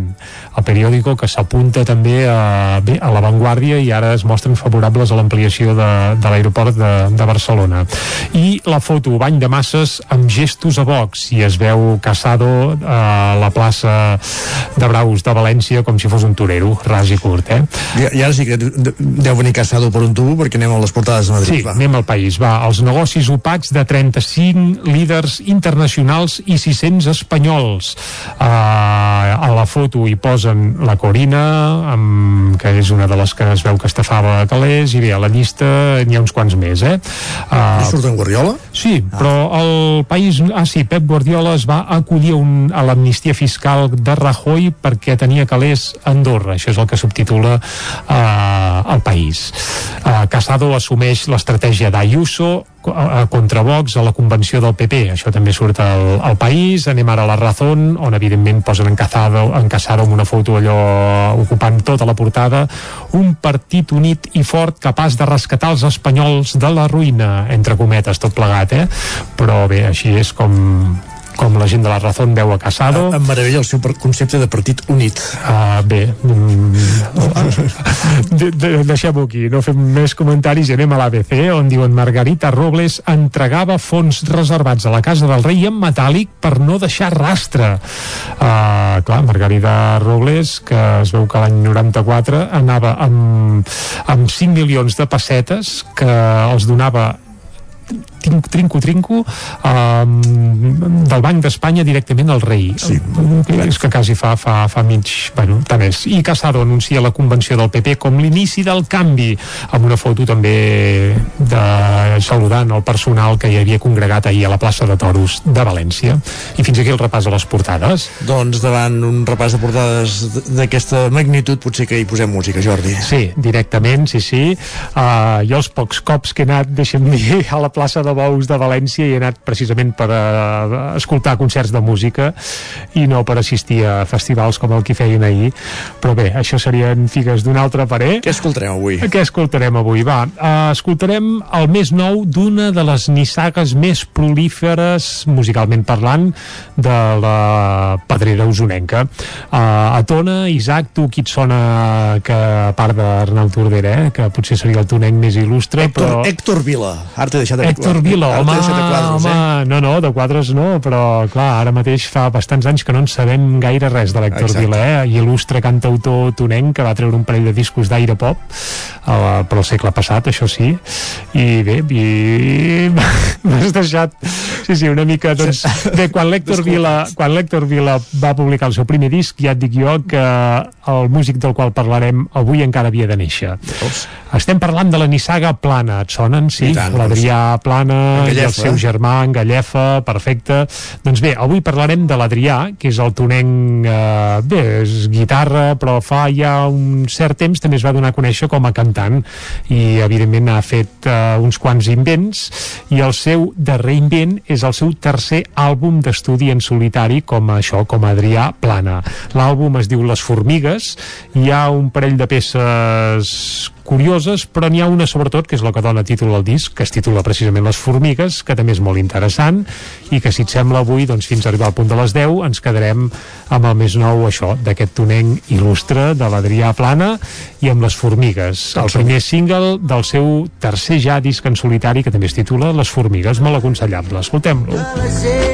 amb l'anar i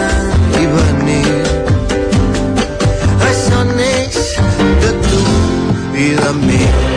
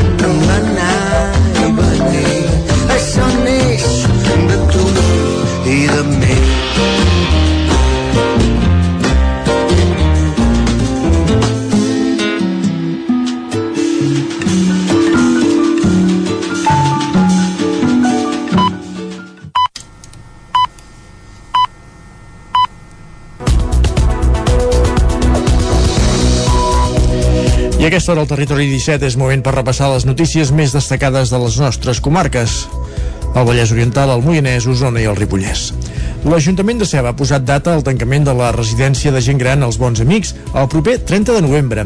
La primavera passada, tècnics municipals ja van advertir del mal estat de l'edifici i van aconsellar avançar el trasllat dels actuals 8 usuaris. L'anunci del tancament va originar un fort malestar entre familiars, treballadors i oposició municipal que van acusar l'equip de govern de manca de previsió i reclamaven una alternativa al trasllat perquè els avis no haguessin de marxar del poble. Després d'avaluar-ho, l'equip de govern ha acabat desestimant la possibilitat d'habilitar un espai provisional, ja que és inviable econòmicament. Aquests dies ja s'ha comunicat a les famílies que l'opció serà el trasllat dels avis a d'altres equipaments sociosanitaris i l'Ajuntament assumirà el sobrecost que poden tenir alguns dels residents fins que la residència municipal no torni a obrir portes. Cobriran fins a 450 euros al mes. El procés de licitació de les obres de la nova residència s'estaria ultimant en aquests moments. Hi hauria quatre despatxos d'arquitectura finalistes. La nova residència tindrà una capacitat de 24 places i inclourà també un espai de centre de dia. El cost de l'equipament es mourà a l'entorn dels 2 milions d'euros i es calcula que podrien començar les obres al mes de juny de 2022 i que finalitzarien en un període de dos anys i mig. Paral·lelament, Ajuntament i sindicats estan negociant les condicions de l'acomiadament de la desena de professionals que tenia el centre. Vic estrena avui una subcomissaria de, de policia al sud de la ciutat, al barri del Remei. La Guàrdia Urbana hi desplaçarà l'equip que rep les denúncies. Al nord i s'haurà d'anar als Mossos. Fins avui, qualsevol veí de Vic que havia de posar una denúncia a la policia s'havia de desplaçar a l'era d'en Sallés, on a pocs metres de distància s'hi concentra la comissaria de la Guàrdia Urbana i la dels Mossos d'Esquadra.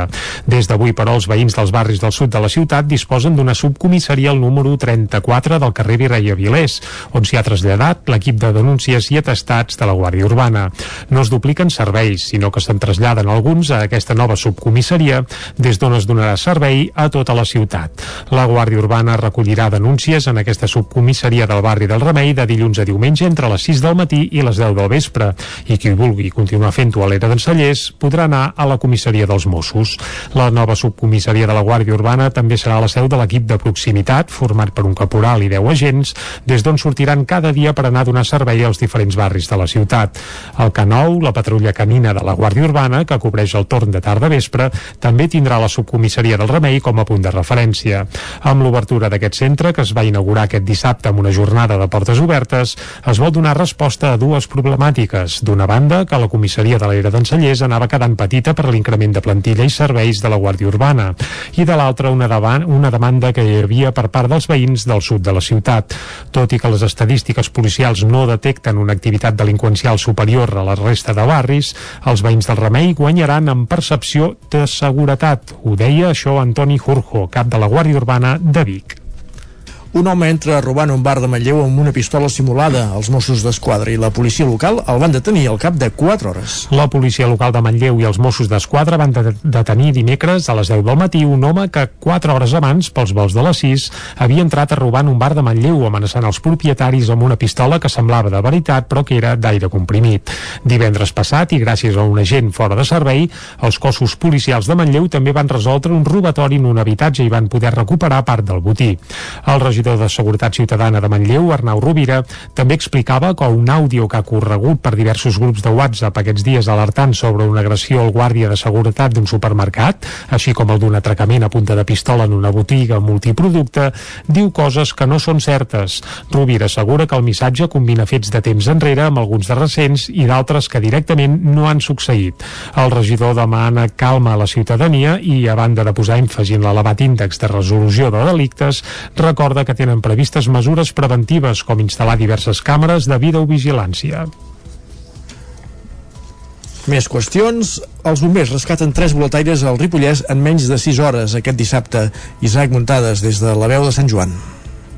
L'època de bolets també és sinònim de rescats al Ripollès i és que aquest passat dissabte, en menys de 6 hores de diferència, els bombers de la Generalitat de Catalunya van haver d'efectuar tres recerques a la muntanya. El primer cas es va produir cap a dos quarts d'onze del matí a set cases, quan van rebre l'avís d'una persona que s'havia fet mal buscant bolets a la zona de la cabanya del Socarrat. Al final, uns particulars van acompanyar-lo fins al cap de Camprodon. La segona recerca va començar a la una del migdia a Coll de Marolla, al terme municipal de Gombrèn. En aquesta ocasió, una persona que buscava bolets es va separar d'un grup i com que no van aconseguir localitzar-la, es va activar una dotació terrestre dels bombers. Sortosament, aquest boletaire va respondre immediatament als crits de l'equip de recerca i van poder trobar-lo en una zona boscosa i en pendent només una hora després d'iniciar-se l'actuació. El tercer rescat va ser el més espectacular pel que fa al desplegament i va passar al bosc de Bruguera, al terme municipal de Ribes de Freser. L'actuació es va produir a un quart de cinc de la tarda, quan dues persones que buscaven bolets es van separar i una va anar a parar en un punt en què va quedar atrapada. Els bombers van haver de requerir l'helicòpter per rescatar-la, tot i que aquesta persona no va patir cap mena de ferida. Per tal d'anar a la muntanya a buscar bolets amb seguretat, els bombers van publicar set consells molt útils a tenir en compte. En primer lloc, demanen a la gent que comprovin la previsió meteorològica i s'informin sobre la zona on van si no la coneixen. També demanen portar l'equipament adequat, menjar i aigua i anar vestits amb roba de colors vius perquè la localització sigui més fàcil en cas de perdre's. És important portar mapes, sistemes tecnològics com GPS o telèfons per orientar-se en cas de perdre's i poder trucar al 112 per informar-los d'on creieu que esteu. És molt important també no anar sols a la muntanya i mantenir sempre el contacte visual o verbal amb l'acompanyant. Cal prendre punts de referència per orientar-se com camins, barrancs o el lloc d'aparcament del cotxe. L'activitat s'ha d'adaptar a la condició física i a l'edat, evitant zones abruptes i amb risc de precipitació. Finalment, si el dia és més curt, cal planificar la tornada per arribar al punt d'inici de la ruta abans no es faci de nit i per anar bé ha de sobrar temps per si es produeix qualsevol imprevist. Jornada animalista aquest diumenge a Cardedeu, una diada amb activitats destinades a conscienciar la gent sobre com tractar correctament les seves mascotes. Núria Lázaro, des de Ràdio Televisió de Cardedeu. Primera jornada animalista a Cardedeu al Parc Pompeu Fabra. A la pista coberta s'hi ha instal·lat estants de diverses associacions animalistes del poble botigues, protectores i llars d'educadores. Al llarg del matí s'han dut a terme diverses xerrades i a la tarda s'ha organitzat una rifa solidària. Tot allò que s'ha obtingut a la rifa anirà destinat a les diverses colònies de gats d'arreu de Cardedeu. La jornada animalista ha organitzat també, com a cluenda, una passejada conjunta de tots els assistents amb els seus gossos. El missatge que es pretén transmetre amb aquesta primera jornada és que les mascotes no són objectes, són éssers vius que pateixen, que senten i que se'ls ha de tenir un cert respecte i empatia. L'associació Cardedeu per a tothom pretén fomentar la bona educació i conscienciar la població de crear un vincle sa amb els seus animals de companyia. Esports. Primera ensopegada del Manlleu a l'hoquei Lliga. Va perdre 7 a 4 a la pista del Palafrugell. El recamp Làser Caldes, per la seva banda, va empatar a dos a la seva visita a la pista del Voltregà, a la tercera jornada de l'Hockey Lliga, que era el campàs des d'Ona Codinenca. Sí, el Rec amb les Arcaldes va sumar aquest diumenge a la tarda el primer punt de la temporada a la pista del Voltregà. Els ballesans que venien de perdre els dos únics partits que havien disputat de l'Hockey Lliga contra el Girona i contra el Calafell van treure les urpes i van demostrar les ganes que tenien d'endur-se la victòria. El conjunt que arrossegava la baixa d'Álvaro Rodríguez va començar molt bé al maig. El conjunt d'Eduard Candami va ser molt superior a la primera part i el Voltregà es va tancar enrere per evitar encaixar gols. El primer gol d'Alcaldes va arribar al minut 2 de partit. Xavier Rovira va rematar porteria després d'una falta que va treure de manera molt ràpida Alcaldes. La primera part va, va transcórrer perdó, sense més notícies al marcador, encara que els ballesans, per ocasions de gol, sense encert, podrien haver ampliat distàncies. Durant la segona part es va trencar aquest domini d'Alcaldes. L'equip va cometre la falta número 10 i això va significar el llançament de falta directa del Voltregà. Gerard Teixidor va aprofitar l'ocasió i va empatar pel seu equip. Des de llavors, Alcaldes va fer passes enrere i va deixar espais en defensa. Quan faltaven 3 minuts pel final, una rematada de Marc Palazón del Voltregà va fer el 2-1 amb una rematada dins l'àrea. Alcaldes, però, no es va plegar de braços i Rovira va marcar el 2-2 final després d'un contracop. Ara, el rec amb les Alcaldes ja pensa en el proper partit que jugaran a la Torre Roja contra l'Igualada. Gràcies, Caral. Moment ara d'anar, doncs, per la previsió meteorològica.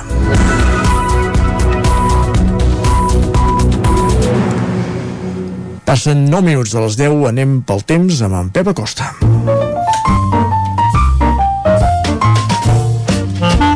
Casa Terradellos us ofereix el temps. Un Pep Acosta, Isaac, que avui està eufòric, eh? Perquè finalment, després de molts dies augurant pluges, doncs han arribat aquestes pluges, ho van fer sobretot a partir d'ahir al vespre i la nit. Durant tota la nit, déu nhi que ha anat caient, i ara mateix, eh, almenys aquí fora als estudis del nou FM, aquí a Vic encara s'escapa alguna gota, oi? Oh, tant com sí. Uh, en Pep, a primera hora del matí, ens ha dit que fins al migdia podria seguir plovent, però ara el saludarem de nou perquè ens faci un bon repàs a la previsió meteorològica. Pep, molt bon dia. Hola, molt bon dia. I bona hora. Què tal esteu? Eh... Comencem setmana, la primera sencera d'aquest mes d'octubre de l'any 2021 i ho fem ja, ara sí, amb un temps de plena tardor. Ah, exacte. Per què? Què és el culpable? Doncs un front extraordinari, un front molt ben marcat, i un front que té una llargada molt important des dels de països nòrdics, Suècia, Noruega, Finlàndia, fins al Marroc. És un front llarguíssim i que ens ha afectat eh, aquest cap de setmana. Eh? Aquest cap de setmana ens ha afectat, és un front atlàntic de primera categoria, el clàssic front atlàntic ja de, de, de tardor, i per fi, per fi ha plogut, per fi comença a haver-hi ambient de tardor. Ja la tenim aquí, que, que, que diríem, eh? Que diríem això, que ja la tenim aquí. Dades. Uh, encara divendres, dissabte, va fer un ambient uh, molt agradable, temperatures altes, però ahir, ahir aquest front ja ho va començar a canviar tot.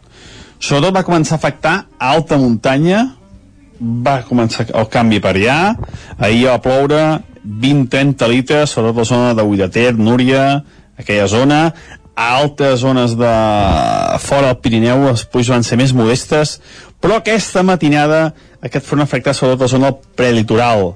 Prelitoral, Vallès Oriental, trobem valors de 30-40 litres, molt necessaris aquests, aquesta precipitació, uh, és, és un, eh, un regal, és, és una meravella mm -hmm. aquesta aigua que ha caigut, però uh, més o menys a tots els jocs que jo hagi vist, a totes les dades que jo he vist, ha pogut més de 10-15 litres eh, a les comarques, ostres, és, és, és, feia molt temps que no plovia això, més de 10-15 litres a, tot, a totes les poblacions de les comarques, i sens dubte ajudarà una mica a, a passar aquesta sequera, aquesta sequera enorme que tenim aquest any, eh, aquest dèficit hídric que tenim aquest any 2021, que vaig insistint sempre en això, mica en mica l'anem passant.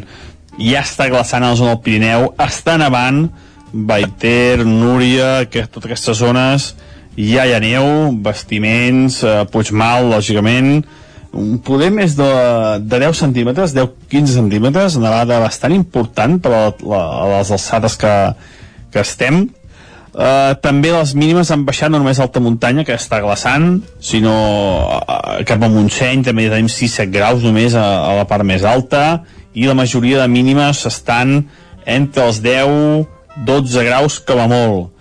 Durant el dia d'avui, què passarà, eh? Uh, deixem ja enrere aquest front, aquesta, aigua, aquesta aigua que hem tingut, aquestes puges, que han anat molt bé, i avui el front s'anirà anirà marxant. Uh, encara les pròximes hores pot caure alguna gota poca cosa. Les pluges ens abandonaran. Tot i això quedaran una mica de núvols, poca cosa, i les temperatures màximes avui no superaran els 21 milions, 23 graus. Uh, seran temperatures ja de plena tardor, a la tarda pot créixer alguna nuvolada cap a les guilleries, cap a transversal. No es descarten quatre gotes molt poca cosa. Destacava també el vent de nord aquest front porta aquest vent de nord, aquesta entrada de nord que serà destacable als cims del Pirineu i també als cims del Predoral i de Transversal. I això és tot, a disfrutar del dia d'avui. I com deia, aquest front ha sigut una cosa extraordinària ens ha anat molt bé, molt bé, molt bé per la sequera que tenim, s'ha de valorar i és, és un bé, és un bé aquest front que hem tingut. Moltes gràcies, adeu, bon dia.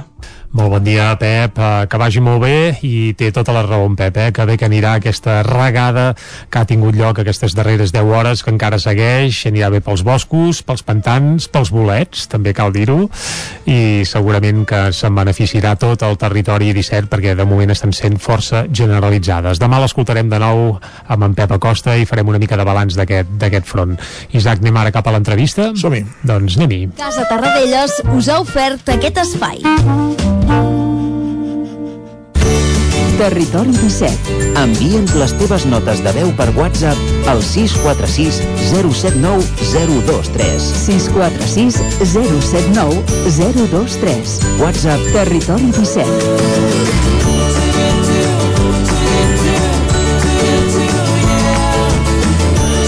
Territori 17. Som a Facebook, Twitter i Instagram amb l'usuari Territori 17.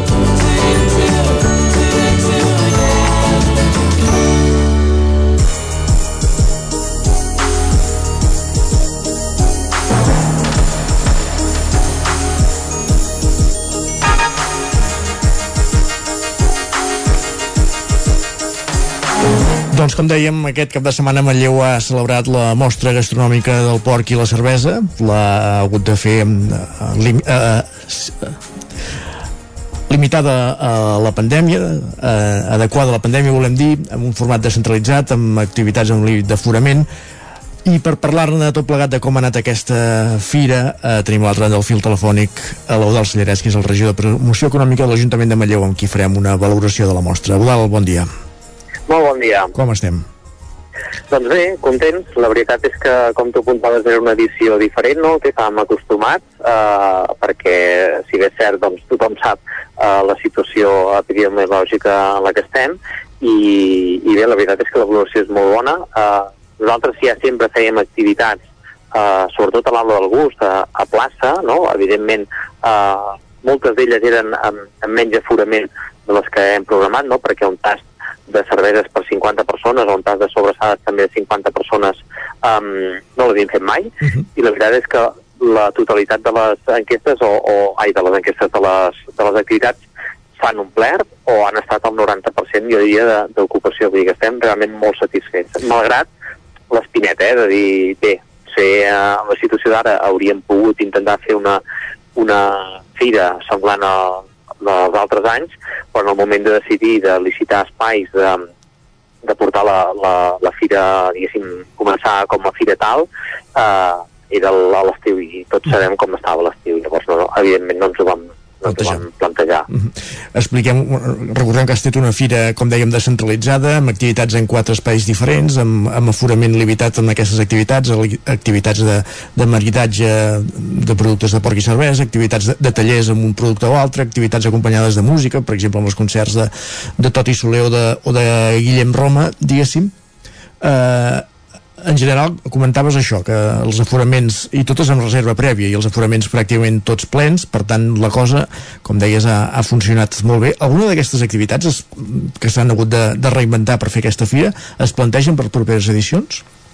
Sí, sí, sí, de fet el, és, és una mica el, el que apuntava, no? Nosaltres ja sempre havíem fet activitats complementàries a, a Fira, no? Els tastets, per exemple, amb, amb en Joan Virraire de, del Pier Festival, doncs els hem fet els últims anys, amb el Gremi de la Camp també hem fet eh, maridatges o, o tastos, no? Que aquest any ens va tornar a venir eh, en Josep Dolcet, i la veritat és que la idea nostra seria, eh, fins i tot, eh, l'any que ve, si tornem a fer una fira normalitzada, eh, fins i tot plantejar-nos fer actes fora de, de plaça. Amb el sentit aquest que apuntaves tu, no? de quatre espais diferents, doncs penso que no ens ha de fer por programar coses eh, també a altres llocs que no siguin a la plaça, perquè evidentment eh, també hi ha unes facilitats, no? per exemple l'aula de, del, del mercat doncs, té unes facilitats a nivell de, de, de cuina, fins i tot també a nivell de, de servir, que el que era l'espai express, per, perquè ens entenguem, doncs potser eh, eren més limitats, no?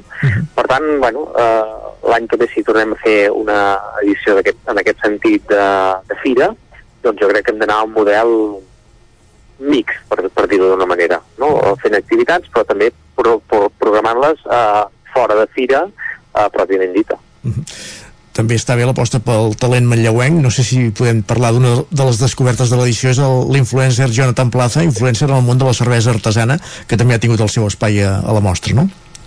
Sí, sí, sí, en Jonathan de fet té, té una llarga trajectòria. Jo personalment ens coneixem de, de fa molts anys, no?, i sempre ha estat un, un apassionat de la cervesa, no?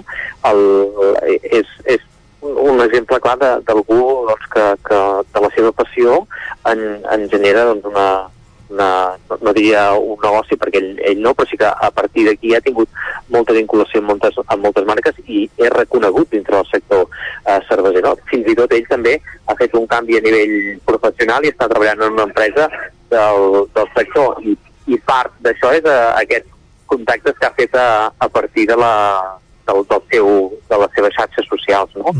I, i certament doncs, molta gent l'ha descobert, però també t'haig de dir que és l'activitat que se'ns ompli més ràpidament i era un tas de 50 persones. Vull dir que estem molt contents en aquest sentit i ell també, eh? També parlant amb ell també estava molt content. Estava una mica nerviós el dia de la presentació, però la que va arrencar doncs ja, ja va estar, no? De fet, em sembla en Jordi Vilarrodà també hi va ser-hi i ho va poder veure. Correcte. Uh, ja que parlem de, en aquest cas d'una influencer de cervesa artesana, boom que ha experimentat la cervesa artesana els darrers anys, diguéssim, ha, ha, ha reforçat, no?, diguéssim, aquest binomi també de, de porc i cervesa, diguéssim, això suposo que ho, ho heu notat a la fira, també. Sí, sí, sí. De fet, el...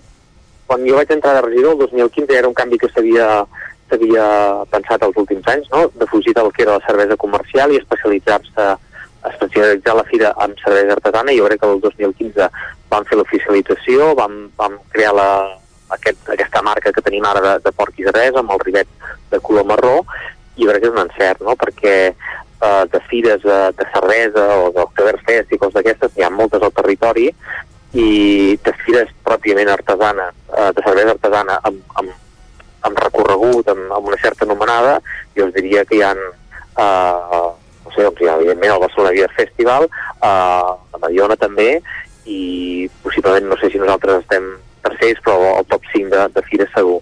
El que també és cert és que el- la pandèmia també penso que, que desgraciadament moltes fires que es feien al territori més de petit format potser costarà que es tornin a fer, no? I, i bueno, nosaltres la- l'aposta almenys per l'any que ve continua sent aquesta, la cervesa artesana i exclusivament la cervesa artesana. I, i dintre del món cerveser, tant de productors com de d'aficionats, doncs Manlleu i Porc i Cervesa té, té, té reconeixement. De fet, eh, eh, fins i tot eh, van venir una, un, xarxes socials i una web especialitzada a Cerveceros a, a, a cobrir algun acte, no? I que estem molt contents i, i és una cosa que no vam buscar, sinó que va sorgir.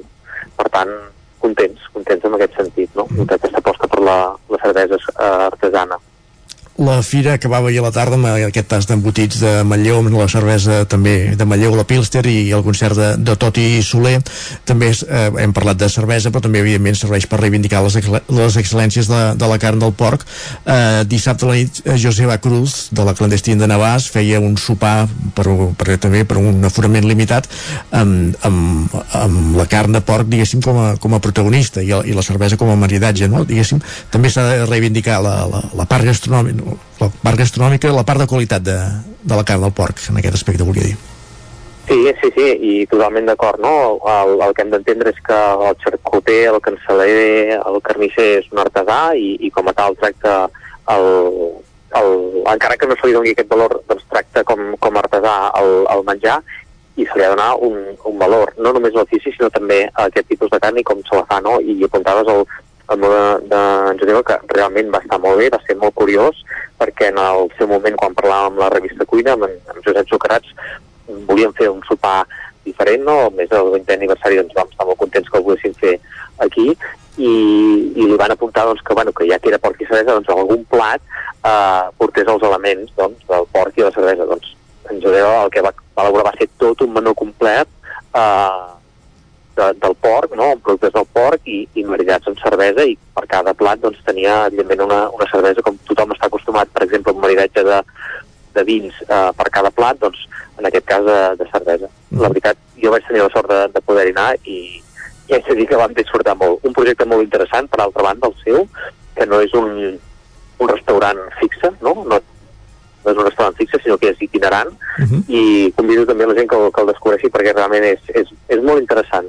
Molt bé, tindrem en compte, apuntem-nos aquest nom, Joseba Cruz de la clandestin de, de Navàs. Eh, per acabar, Eudal, eh, parlaves abans de que l'edició del 2022 s'ha de plantejar ja tendint cap a la normalitat.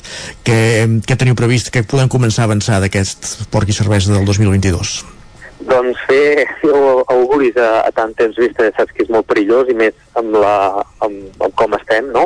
Però sí que és cert que, que, bueno, que veiem que, que realment doncs, la, la vacunació funciona, malgrat que encara hi ha franges i gent que, que li costa, eh, esperem que l'any que ve doncs, estiguem en, en, en un context de molta més vacunació i que realment el que són actes de més gran format estiguin oberts, o si més no hi hagin unes, unes directrius molt clares que no canvin eh, durant el temps. Si això ens passa eh, i tenim quelcom mig decidit de cara a primavera eh, estiu, jo crec que farem una fira de, del porc i la cervesa. Perfecte, doncs ho veurem d'aquí un anyet, veurem com evoluciona tot plegat. Moltíssimes gràcies per ser avui amb nosaltres i, i enhorabona doncs, per aquesta edició. Moltes gràcies a vosaltres. Bon dia. Oh, una edició, doncs, Isaac... No sé si has anat tu Manlleu, tu Jordi, treu cap aquests dies. Mm, Doncs mira, no, no, no, però he estat a punt perquè, clar, un dels atractius que té precisament el porc i la cervesa a Manlleu és que sempre, sempre va de braceta una generosa oferta cultural i, per exemple, durant tot el cap de setmana hi ha hagut concerts a la plaça Fra Bernadí i divendres mateix hi havia la Ludwig uh, Band Orquestra que la veritat és que tenia moltes ganes de veure'ls, tot i que al final no hi vaig poder anar i bé, també va passar per Manlleu el Guillem Roma, il·lustre Correcte. usonenc que ha tocat a pràcticament tots els racons de la comarca presentant el seu darrer disc, el Kiribati. Per tant, això, un dels principals atractius del porc i la cervesa Manlleu, no d'ara, sinó, sinó des de sempre ja, Sí. ha estat això, anar de bracet amb propostes també culturals i amb concerts que sempre, a més a més, tenen aquest perfil ben nostrat i escombrant una mica cap a casa amb propostes eh, també d'aquí. Per tant, un encert que esperem que tingui continuïtat de cara a edicions vinents, tant de bo ja sense el segell i la pàtina aquesta de les restriccions arran de la pandèmia. Perfecte, doncs amb l'entrevista que fèiem al del Sallarès fem, després d'aquesta entrevista fem una petita pausa i tornem a partir de dos quarts. Amb més continguts, amb piolades, amb taula de redacció amb repàs esportiu Sí, etcètera, avui hem etcètera. de parlar molt d'esports, eh? sobretot a la part final, eh? que hi va haver un partidet ahir a l'RCD Stadium, que la veritat és que segur que algú té moltes ganes de comentar-lo i val més que parlem d'aquest que no pas d'altres. Això Va, també, sí. també és cert. Va, una pausa, tornem a dos quarts en punt aquí a Territori 17.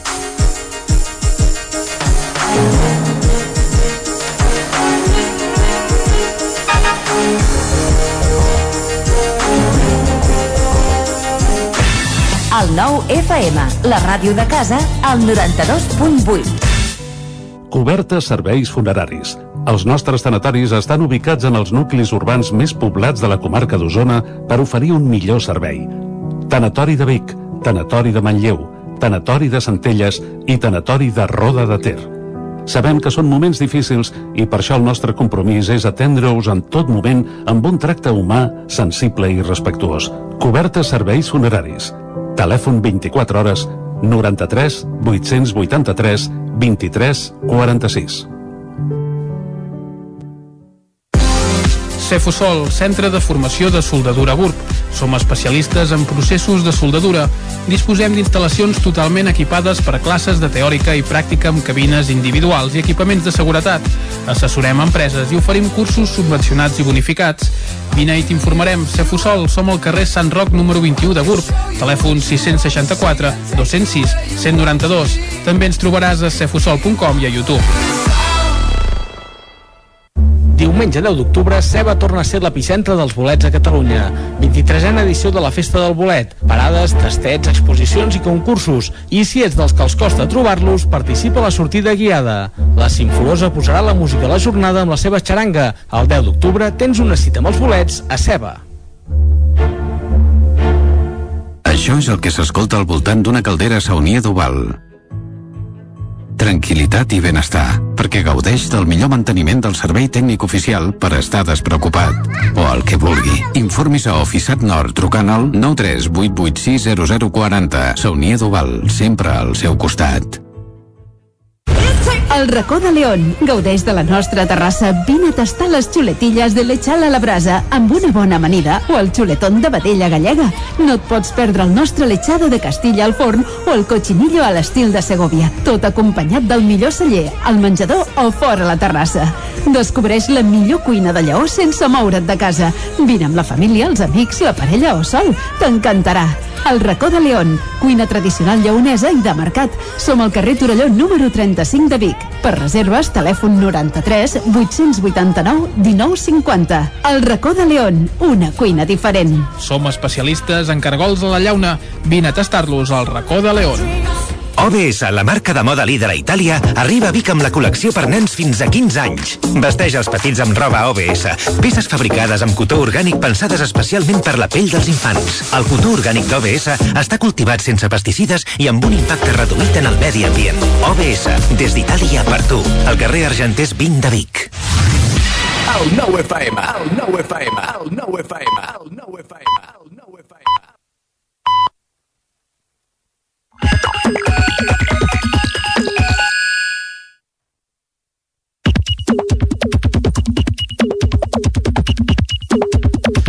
Dos quarts d'onze del matí, eh, amb la sintonia de les piulades. De les piulades d'internet. Saludem en Guillem Sánchez com cada dia. Bon dia, Guillem, benvingut. Re.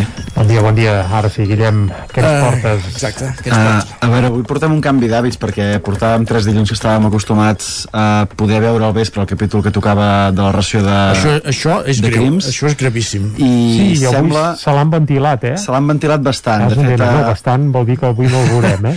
en Raül ja deia ahir al vespre tot jo som diumenge i ja m'han arruïnat el dilluns. L'anèssim motiu més per demanar la dimissió d'en Vicent Sánchez. adjuntava aquest comentari del perfil oficial de Crims que deia que recordaven que avui no hi hauria capítol i que veurien el capítol final de Crims de la Guàrdia Urbana el dia 11 d'octubre, que és el dilluns de la, De la setmana de la que ve. setmana que ve.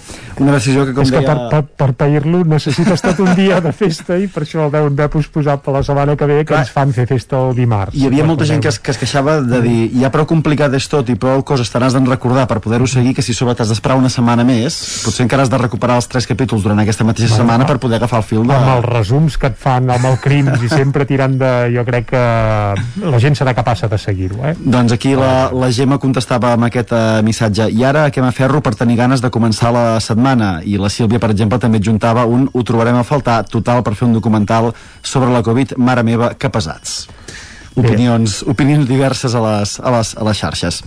Els problemes a casa nostra però són una mica diferents. En Josep des de Castellterçol ens deia mentre es descarregava el cotxe davant de casa ha passat un foraster i m'ha dit quin poble més brut que teniu em sap greu i m'ha fet vergonya però he pensat que tenia molta raó doncs a netejar-lo a netejar-lo i a veure si el, la gent que hi va pot eh, veure una millor imatge a partir ja d'aquesta setmana. Venim també d'un cap de setmana de la iniciativa de Benvinguts a Pagès que en vam parlar dijous i divendres passat. Per exemple, a Formatges Lluçà han rebut la visita de 141 persones i deien ells mateixos un matí ple de visites explicant la feina que hi ha darrere del nostre formatge i malgrat la previsió de pluja, tots els que han vingut molt ben equipats. I ho agafo per la banda de la, de la pluja Jordi Isaac perquè Sí. aquest Es- cap de setmana esperar, eh? sí, ja ens ha acompanyat i sembla que durant aquesta setmana també també ho seguirà fent. I això vol dir suposo que la, tots els aficionats a, a buscar bolets deuen estar ja frisosos, frisosos per poder sortir a la, a la muntanya. En aquest sentit en Gerard López eh, fa un missatge que posa la lletra A i la lletra H i tres punts suspensius i adjunta una imatge d'un prat amb uns quants rovellons que semblen allò posats expressament perquè els anem a, a, a buscar quan sortim al camp. dir que jo dissabte ja hi vaig anar a fer un excursió perquè em pensava que diumenge plouria tot el dia i al- algun se'n troba ja, algun se'n troba. De fet, d'això us volia demanar si ja hi havíeu anat vosaltres a buscar bolets, encara no? Uh, L'Isaac no ho sé, ja... No, no he pogut sortir de casa aquest cap de setmana jo. Ja vaig agafar els seus. sí, sí. A la pluja també li sumem el descens de temperatures. L'usuari a la deriva ja ens eh, fa el missatge de ja fa fre- fresqueta a Big City i adjunta en el comentari una fotografia amb el seu gat al sofà de casa cobert amb una manta d'aquestes del Barça que et deuen donar de promoció amb els diaris esportius en el seu moment. Quan se'n venia algun, sí. Eh, correcte, no sé si ja és hora de treure les mantes, jo també he de reconèixer que a casa ja tenim una d'aquestes mantes del Barça col·locada allà, allà al sofà de, de casa. Uh, I a Catalunya sembla que no tothom sap què és el pa amb tomàquet. En Lluís feia referència a un missatge dient ahir sopant a Barcelona ens van portar pa amb tomàquet amb un potet de tomàquet trinxat i un tassó d'oli, per flipar. No sé si us heu trobat mai o si Sí, això de sí, demanar aberracions d'aquestes hem vist més d'una de vegada. demanar pa, pa, pa amb tomàquet a fora de, de casa, podríem dir, o fora de, de les comarques que no ens passa pel cap que no sigui fregar el tomàquet i, i posar-hi oli, oli sobre, sobre el pa, doncs situacions així surrealistes. A l'Àlex li re- responia per això tan generalitzat he deixat de demanar entrepans amb tomàquet a tot arreu. Conseqüències de- d'aquest fet. I ja per acabar un consell, si feu una festa a casa algun dia, Mhm. vigileu amb tot allò que sobra, que no us passi com en Roger. Què li va passar? Diu, aquest matí un amic m'ha explicat que quan era adolescent va deixar un calimotxo oblidat a la seva habitació. Un dia el calimotxo va explotar, segons ell, degut a la fermentació del sucre i els veïns van trucar per saber què passava. Res. Ha explotat un calimotxo. Dient. Per tant, si us deixeu alguna resta, vigileu que no sigui de calimotxo, no fos cas que exploti i hi hagi conseqüències pitjors per als, per als veïns. Carai, doncs uh, això sí que veus, el dels bolets sí, però això no, no ens ha passat mai, oi, Isaac? Que ens mi un no. calimotxo. No. Deu ser que no el deixàvem mai. Exacte, no. Les coses uh, ens han Fermentar. ensenyat que els plats s'han de, de buidar. No, no el deixàvem arribar a fermentar. Moltes gràcies, Guillem. Bon dia. I Isaac, fem un cop d'ull abans d'anar a la taula de redacció. Què diuen ara mateix les portades del 99.cat? Comencem anant al Vallès Oriental, on expliquen que la pandèmia fa augmentar la xifra de voluntaris a les entitats vallesanes. També que Llinars del Vallès reclama una passera sobre l'AP7 pels veïns del barri de Sant Josep i que el PSC demana que la variant de la C59 a Sant Feliu de Codines entri en el proper pressupost. Uh, bé, per demanar que no quedi de moment ja, ja es veurà. Anem ara a l'edició d'Osona. De fet, en vam parlar amb el diputat sí, Terrades tant, la setmana passada, eh? Correcte, Sí. aquí mateix, a Territori 17. Uh, fem un cop d'ull ràpid a l'edició d'Osona i el Ripollès. El 99.cat ara mateix obre explicant que cauen un 93% els ERTOs tramitats a Osona durant aquest darrer any. També explica que Comissions Obreres alerta de l'increment de consultes als seus centres a Osona de persones en situació irregular i també eh, que Sau, que el pantà de Sau perd un 45% de l'aigua. És a dir, que avui ha plogut, però fins fa poc Sau estava a menys de la meitat de la seva capacitat. Molt bé, doncs moltes gràcies a tots dos i ara sí, entrem a la taula de redacció.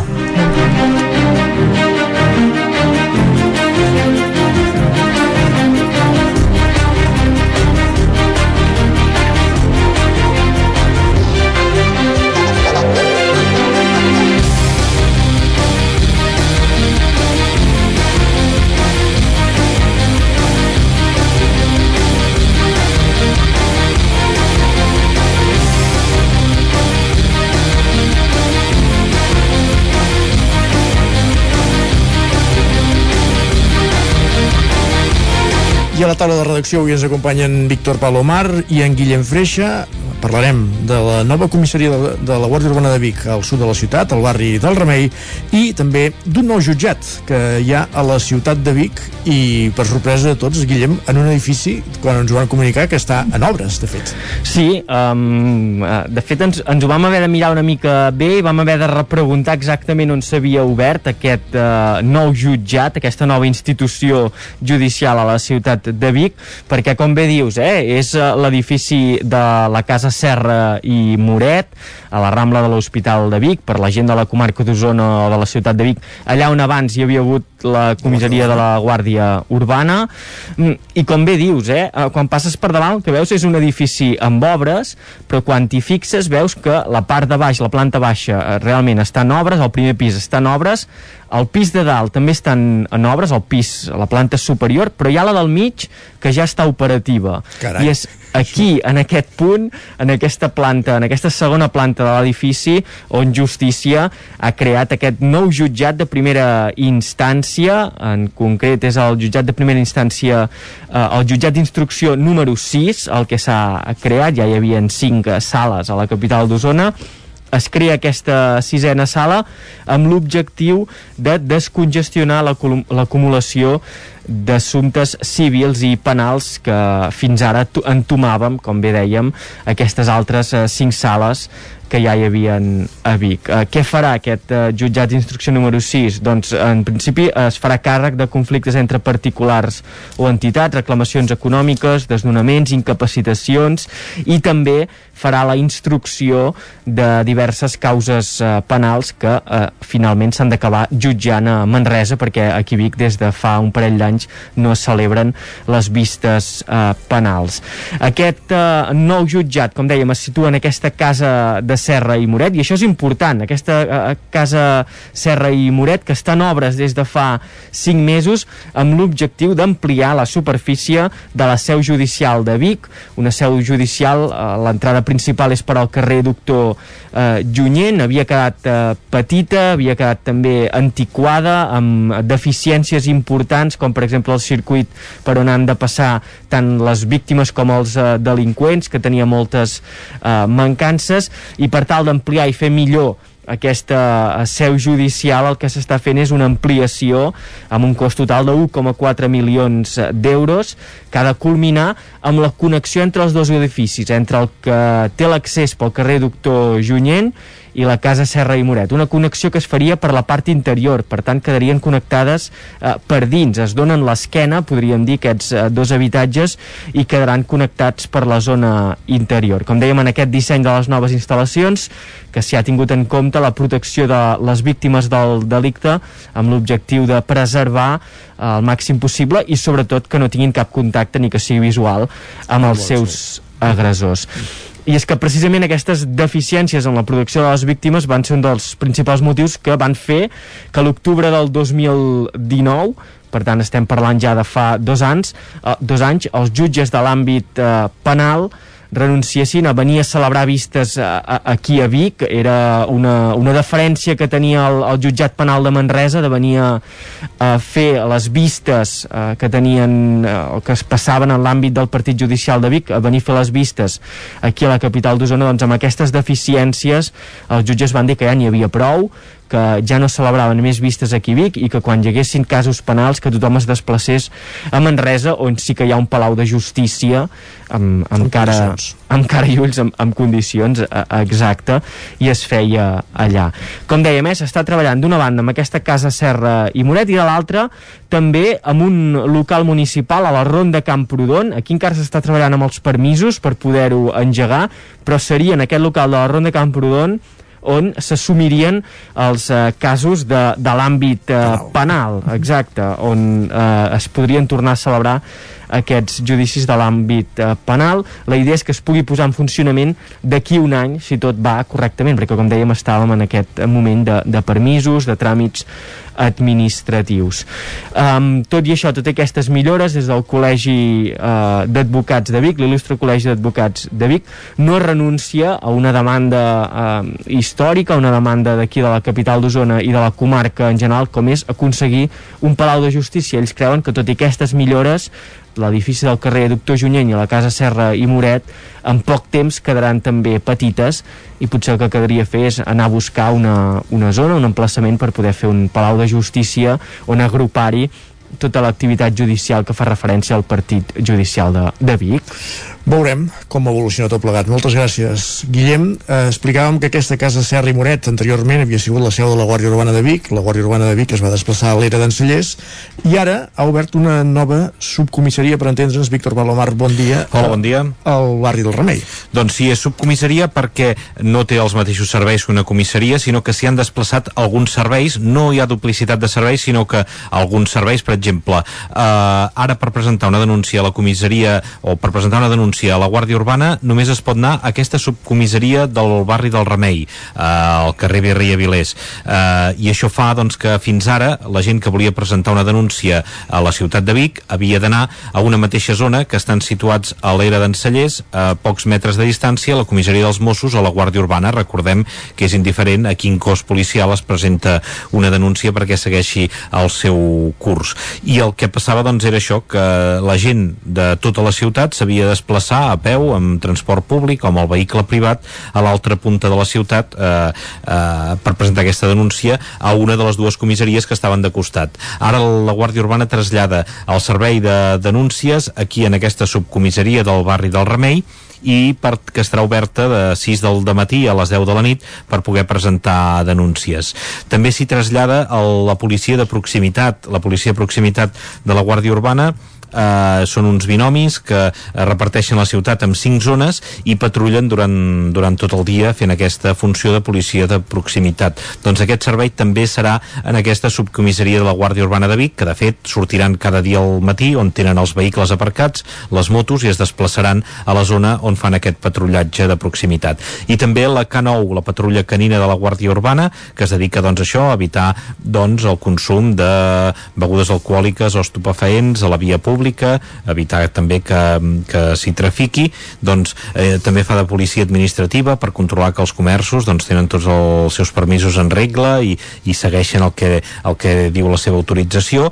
Doncs tots aquests serveis estaran en aquesta comissaria que es va inaugurar dissabte amb la presència de l'alcaldessa Anna R, també de la regidora de Convivència i Seguretat, Elisabet Franquesa, i l'inspector en cap de la Guàrdia Urbana, Antoni Jurjo, que va recordar doncs, que aquest és un intent que ja es va intentar fa uns 13 anys de, de portar eh, agents de la, de la Guàrdia Urbana en aquesta zona de la ciutat i que no es va aconseguir, es va fer un intent hi van haver alguns agents però de seguida es va fer marxa enrere. I que ara doncs, hi havia aquest deute pendent amb la ciutat i que era una reivindicació dels veïns que és el que es va reconèixer durant la jornada de portes obertes que hi va haver aquest dissabte. Molt bé, doncs una subcomissaria que està ja operativa a partir d'avui. D'avui mateix. Perfecte, moltes gràcies Víctor. A vosaltres. Gràcies Víctor, gràcies Guillem, acabem aquí la taula de redacció, moment de parlar d'esports, tot seguit aquí al Territori 17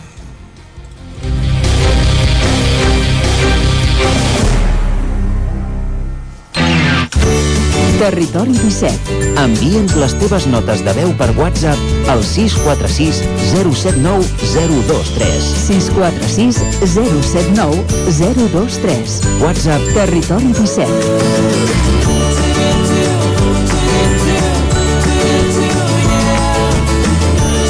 Territori 17. Som a Facebook, Twitter i Instagram amb l'usuari Territori 17.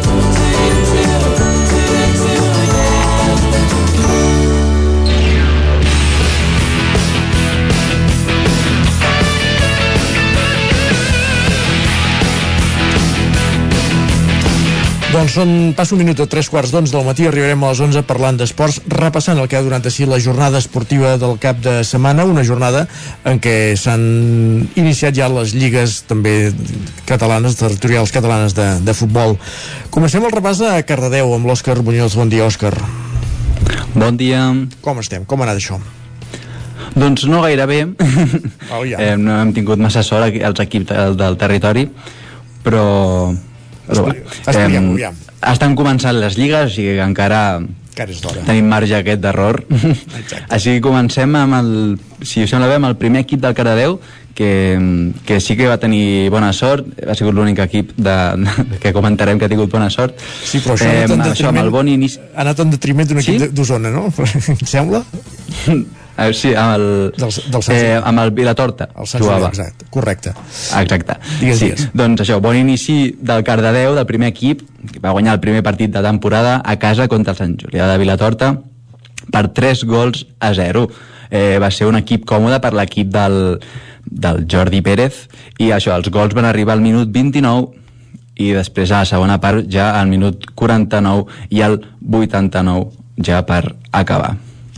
El filial de tercera catalana doncs, eh, no va començar igual, va perdre el camp de l'Atlètic del Vallès per un gol a zero, eh, d'aquests gols que fan mal, a últims minuts, al 86, i això va ser un partit intens on van acabar amb 11 targetes grogues eh, en total els dos equips. Uh -huh. Amb els equips d'handbol, sí, amb els equips d'handbol, eh, els dos sèniors eh, tant el masculí com el femení eh, no van tenir un bon resultat tampoc. El, els nois jugaven contra l'handbol Garbí a, allà a, Pla, a Palafrugell i van acabar per 29 a 28 eh, resultat ajustat que eh, doncs, també mala sort en aquests últim, amb l'últim tram final del partit que l'handbol Garbí doncs, va saber gestionar millor i per l'altra banda les noies també es desplaçaven cap a la Roca i van tornar amb un empat a 23 així que eh, Un punt, encara van salvar. exacte, sí. Eh, les noies porten una derrota i, i un empat en la Lliga. Recordem que estem a la segona jornada així que bueno, comença eh, a- exacte. I acabem amb, el, amb els equips de d'handbol de Granollers on el Franking volia ofegar les penes de, de, de la Lliga Europea ja que van a, es van eliminar. I doncs no van tenir aquesta no van tenir aquesta sort eh, amb el conjunt gallec, amb el Cangas i van acabar eh, per 26 a 20 Carai, estan... o sigui, ha sigut una setmana per oblidar amb aquesta eliminació continental i aquesta primera ensopegada a la Lliga a Sobal.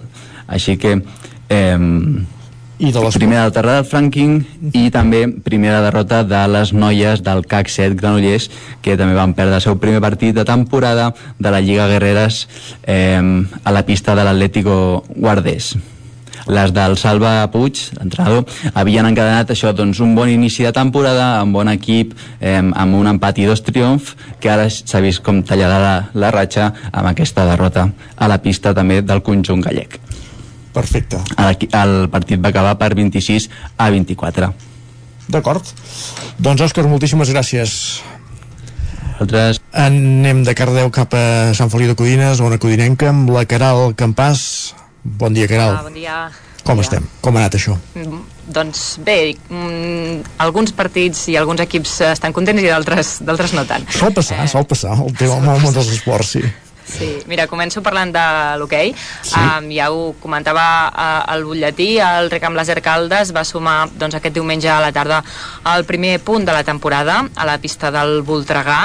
Uh, recordem que els ballesans venien de perdre els dos únics partits que havien disputat a l'Hockey Lliga contra el Girona i contra el Calafell. Uh, un partit que a la primera part van dominar els calderins però a la segona s'ha de dir que el Voltregà va fer un cop sobre la taula uh, i aquest partit va acabar amb empat a, a dos. Eh, bé, ara el Caldes ja està preparant el proper partit que, que jugaran a casa contra l'Igualada. I els que també disputaven era el Sant Feliu de Codines, que està a segona divisió i que ha caigut a les semifinals de la Lliga Catalana Plata, Plata perdó, contra el Sant Just, eh, que bé, que va dominar doncs, aquesta final a, a 4. Eh, bé, va ser un bon partit pels codinencs eh, al Picat aquest dissabte, i els nois de Chino Doncel van posar contra les cordes a, a un dels millors equips de la categoria. Comentar-vos també que a les acaballes del partit el Sant Feliu va anar a buscar l'empat posant el porter a jugador i va ser un risc que va permetre als rivals ampliar l'avantatge fins al 6 a 3 final. Eh, Bé, tot i la derrota, aquesta derrota, els codinencs doncs, tanquen eh, podríem dir una bona pretemporada amb una Lliga Catalana Plata on han aconseguit dues victòries, un empat contra l'Espanyol i la derrota contra el Sant Just uh -huh. uh, i sobretot competint i donant una bona imatge amb un joc ofensiu Molt bé. Uh, acabo el repàs d'hoquei comentant-vos que bé, les noies del Vigas eh, doncs no, no en parlo perquè no disputaven. I obro el, el futbol. Eh, mireu, a, a segona catalana tenim el primer equip d'Alcaldes, el grup 6 que s'enfrontava al Torelló. Alcaldes doncs va reprendre aquesta competició de segona catalana Uh, bé, posant doncs, uh, les cartes sobre la taula, els de José Luis Duque van endur-se els, els punts d'un dels camps dels equips que previsiblement també s'anirà col·locant entre els primers llocs de la classificació, el Torelló, un molt bon equip en aquest partit doncs, que va acabar amb victòria d'alcaldes per 1 a 2. Eh, I me'n vaig a tercera catalana, al grup 5, uh, comentant-vos doncs, que hi ha un partit per oblidar per part del Castellterçol, que s'enfrontava al Mollà, un, un derbi, Derbi. moianès, i per, és exacte, derbi moianès i per tant derbi ona codinenca. El Mollà va fer una maneta al Castellterçol, eh, tot i que bé, el Castell va fer el gol més matiner, només a 10 segons de començar, però els locals van ser molt superiors i van acabar golejant amb aquest 5 a 1. Després us comento el Sant Feliu de Codines que es va imposar per 1 a 2 davant el Tona, el Sant Feliu va mantenir el 0 a 1 de, durant gairebé tot el partit, eh, però bé, el Tona B va empatar al minut 86 i finalment el Sant Feliu s'hi va tornar i va sentenciar amb un gol al minut 88, tancant el marcador amb aquest 1 a 2 a, a favor del Sant Feliu. I el Caldes B, que va ser derrotat per l'Olímpic La Garriga en un partit que va acabar per 4-3. Eh, el maig va tenir un final doncs, molt emocionat, molt emocionant, perquè a 10 minuts per acabar els dos conjunts estaven empatats a, a 2 i tot i això, doncs, al 83 l'Olímpic va marcar el 4-3 definitiu. Perfecte, moltes gràcies, Caral. Tot, són partits, tots són partits dins el territori 17, veig, eh? això és interessant. Sí, exacte. Anem fins a la veu de Sant Joan amb l'Isaac Muntades. Bon dia, Isaac. Bon dia, bon dia. Doncs mireu, tenim, tenim una mica de... Sí, tenim una mica de tot. Si us sembla bé, començarem per al futbol, el subgrup A de la segona catalana, on el Camprodon doncs, va reaccionar després de dues derrotes consecutives amb el primer triomf a casa davant del Comacros, en un partit que va ser força boig, que va acabar 4-3 i que els camprodonins doncs, van dominar com solen fer però no, no acaben rematant. I en aquest partit de fet eh, el Comacros va avançar amb un gol de missa als 5 minuts que va enviar a la xarxa doncs, una passada de la mort. Al descans el Camprodon va aconseguir arribar-hi amb un empat amb un gol de Bussi des de fora l'àrea. I a la segona meitat doncs, el, Campro, el Comacros doncs, va tornar avançar-se per mitjà de Bax, que va creuar doncs, una bona pilota allunyada de l'abast de, de Joan, del porter del Camprodon. Eh, semblava que el partit doncs, estava més o menys eh, controlat pel Comacros, però els últims 10 minuts van ser una mica bojos perquè doncs, van arribar al, al gol d'Edu, que va rematar una passada d'Esperó després d'una gran jugada per fer aquest empat, i després Aissa va capgirar el marcador de penal a 10 minuts del final. Al temps afegit també va haver-hi dos gols, eh, un de Steven del Camprodon i també eh, Omar, al 97, va fer el, de falta el, el tercer gol del Comacros, però bé, 4-3 pel Camprodon, que suma 3 punts i és vuitè a la classificació. Eh, el grup 19 de tercera catalana, el Bànol, va aconseguir la seva segona victòria consecutiva a casa, eh, a, a, o sigui, a la casa del Vilablareix per 2 a 3 en una remuntada final. A la primera part, doncs, molt igualat, amb algun pal dels locals, dues ocasions clares d'Esteve, que també eh, que va malbaratar Esteve, Sánchez també va tenir un cop de cap pel Camp de Bànol, va tenir ocasions, però el Vilablareix va ser qui es va avançar mitjançant Rodríguez amb un gol al contraatac. A la segona part, el porter local doncs, va haver de treballar més i va aturar bastantes de, de clares, però en poca estona eh, Puigcorbé va empatar amb un xut de Maideu eh, després d'un refús eh, va aconseguir doncs, aquest gol i, i bé, amb aquests dos gols eh, ràpids eh, també eh, per empatar eh, al final doncs, eh, el Camp de Bànol va aconseguir marcar en el minut 86 el tercer gol. Eh, el va fer en aquest cas Uri a passar de Maideu dins de l'àrea eh, i, i el Camp de Bànol ara mateix doncs, és sisè a la Lliga amb 6 punts i un partit menys i ha començat bastant bé. No com la Badesenc, que sembla que el partit del Camp de Bànol que li suspenguessin no li va anar gaire bé, perquè va perdre 1-3 a casa contra l'Ètic Banyoles en un mal partit dels Sant Joanins que ja es va posar molt en contra quan Michael de penal al, al quart de joc doncs feia el primer, la Badesenc va aconseguir empatar amb un gol d'Archer uh, després d'una errada de, del porter visitant. Però Michael doncs, va ser el gran protagonista del partit amb dos gols més, va fer un triplet eh, el 54 amb un xut llunyà doncs, va aconseguir l'1-2 i ja pràcticament a l'últim minut doncs arribant des de la segona línia va fer el, el tercer. Ara la Badesenc és 15 amb només un punt i un partit menys. I dos coses per acabar. En futbol sala encara li va anar pitjor eh, a l'escola de futbol Sala Servicat Ripoll que, que en aquest cas que la en futbol.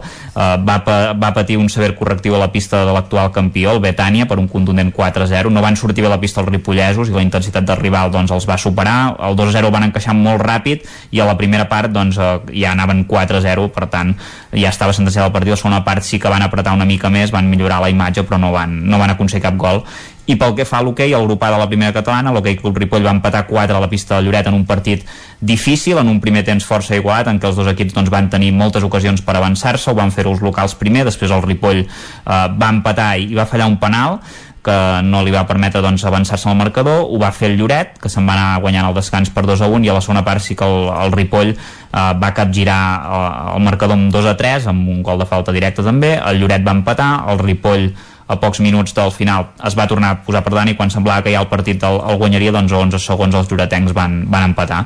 Ara els ripollesos doncs, són tercers a la Lliga amb, amb 4 punts. Déu nhi moltes gràcies Isaac doncs, per aquest repàs exhaustiu a, a la jornada esportiva al Ripollès. I ens quedem ara a Osona amb l'Ester Rovira. Bon dia Ester. Bon dia. Uh, Per on comencem?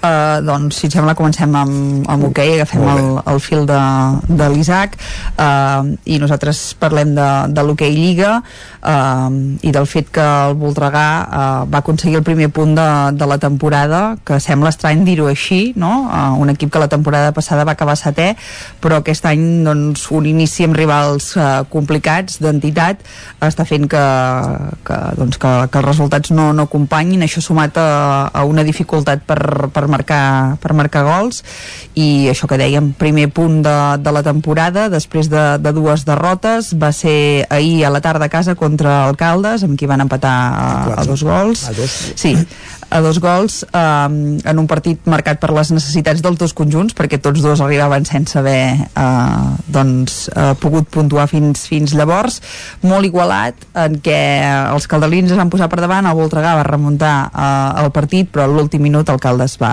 va aconseguir el gol de, de l'empat eh, per tant d'aquells amb un gust una mica agradols eh? perquè sí. sí que puntues però també tens la sensació que en l'últim minut del partit se te n'escapen dos, dos de punts i això doncs fa que ara mateix el Voltregà sigui últim a la classificació d'aquesta hoquei Lliga després de tres jornades. I el Manlleu va patir la primera ensopegada. Uh, recordem que el Manlleu aquest any tornava per tercera vegada a la màxima categoria. Va començar molt bé amb dues uh, victòries. I aquest cap de setmana doncs, va patir la primera ensopegada un correctiu a la pista del Palafrugell per 7 a 4 al minut 9 els mallauencs que perdien per, per 4 a 0 contra un equip que aquesta temporada s'ha reforçat molt bé entre d'altres a la porteria amb Xevi Puigví però també amb jugadors contrastats com eh, l'ex biguetà Romà Vancells. Eh, per tant eh, jugadors de, de pes contra el jove Manlleu i per tant això li van endossar 4 gols en només 9 minuts i això ja va fer, es va fer molt difícil de, de remuntar. Tot i així la segona part el Manlleu va estar molt bé va, fer, doncs, va poder marcar va, va escurçar distàncies però al final la diferència era ja insalvable.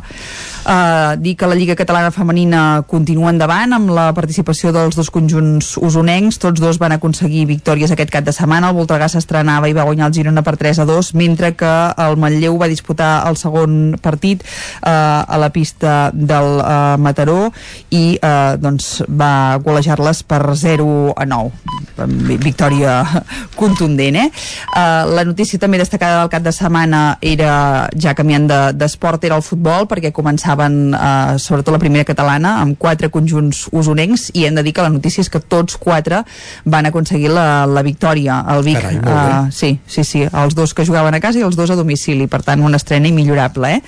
uh, el Vic per exemple va golejar el Sant Ildefons per 0 a, a 3 uh, el Manlleu que era un dels que jugava a casa igual que el Vic Riu primer va aconseguir una victòria amb molt bon joc contra el Canvi de Let per 2 a 1 i també per 2 a 1 es va imposar el Vic Riu primer al, al Sant Boià no sense patiment evidentment. Uh, però, però bé, mm, tres punts importantíssims pel Vic Riu primer que té una segona oportunitat en aquesta categoria on va debutar de forma històrica la temporada passada.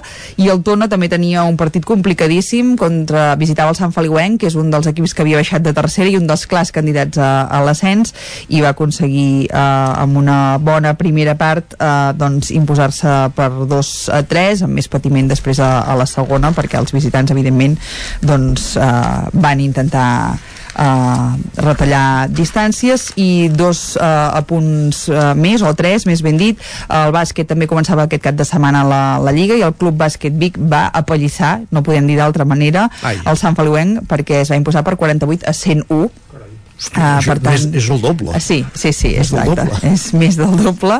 Uh, per tant, això, molt bones sensacions per un equip que recordem que tota la pretemporada havia arrossegat lesions i que això el feia doncs, començar una mica um, amb dubtes no?, de com anirien les coses, doncs el, el resultat uh, ja, el partit va quedar uh, sentenciat al primer el primer quart i per tant doncs, uh, la resta del partit es van poder donar minuts fins i tot aquests jugadors que sortien de, de lesions i uh, destacar això, eh, en dues competicions més que es feien aquest cap de setmana rellevants a la comarca, un era el torneig Joan Mir de, de tennis internacional sub-16 on es van imposar la russa Dària Domova i el valencià Roger Pasqual i després també el Rai Típic Internacional a Ciutat de, de Vic on el podi de la categoria reina, el sei de dues estrelles va ser totalment usonenc amb Joan Ullastre, Gerard Casadesús i Paula Montalà ocupant les primeres posicions i també eh, formant el podi del Campionat de Catalunya perquè aquesta prova també servia per determinar els campions catalans. Moltíssimes gràcies, Esther. Que vagi Doncs, Que vagi molt bé i acabem aquest repàs esportiu aquí. De seguida repassem les notícies més destacades del territori 17 a aquesta hora, a les 11.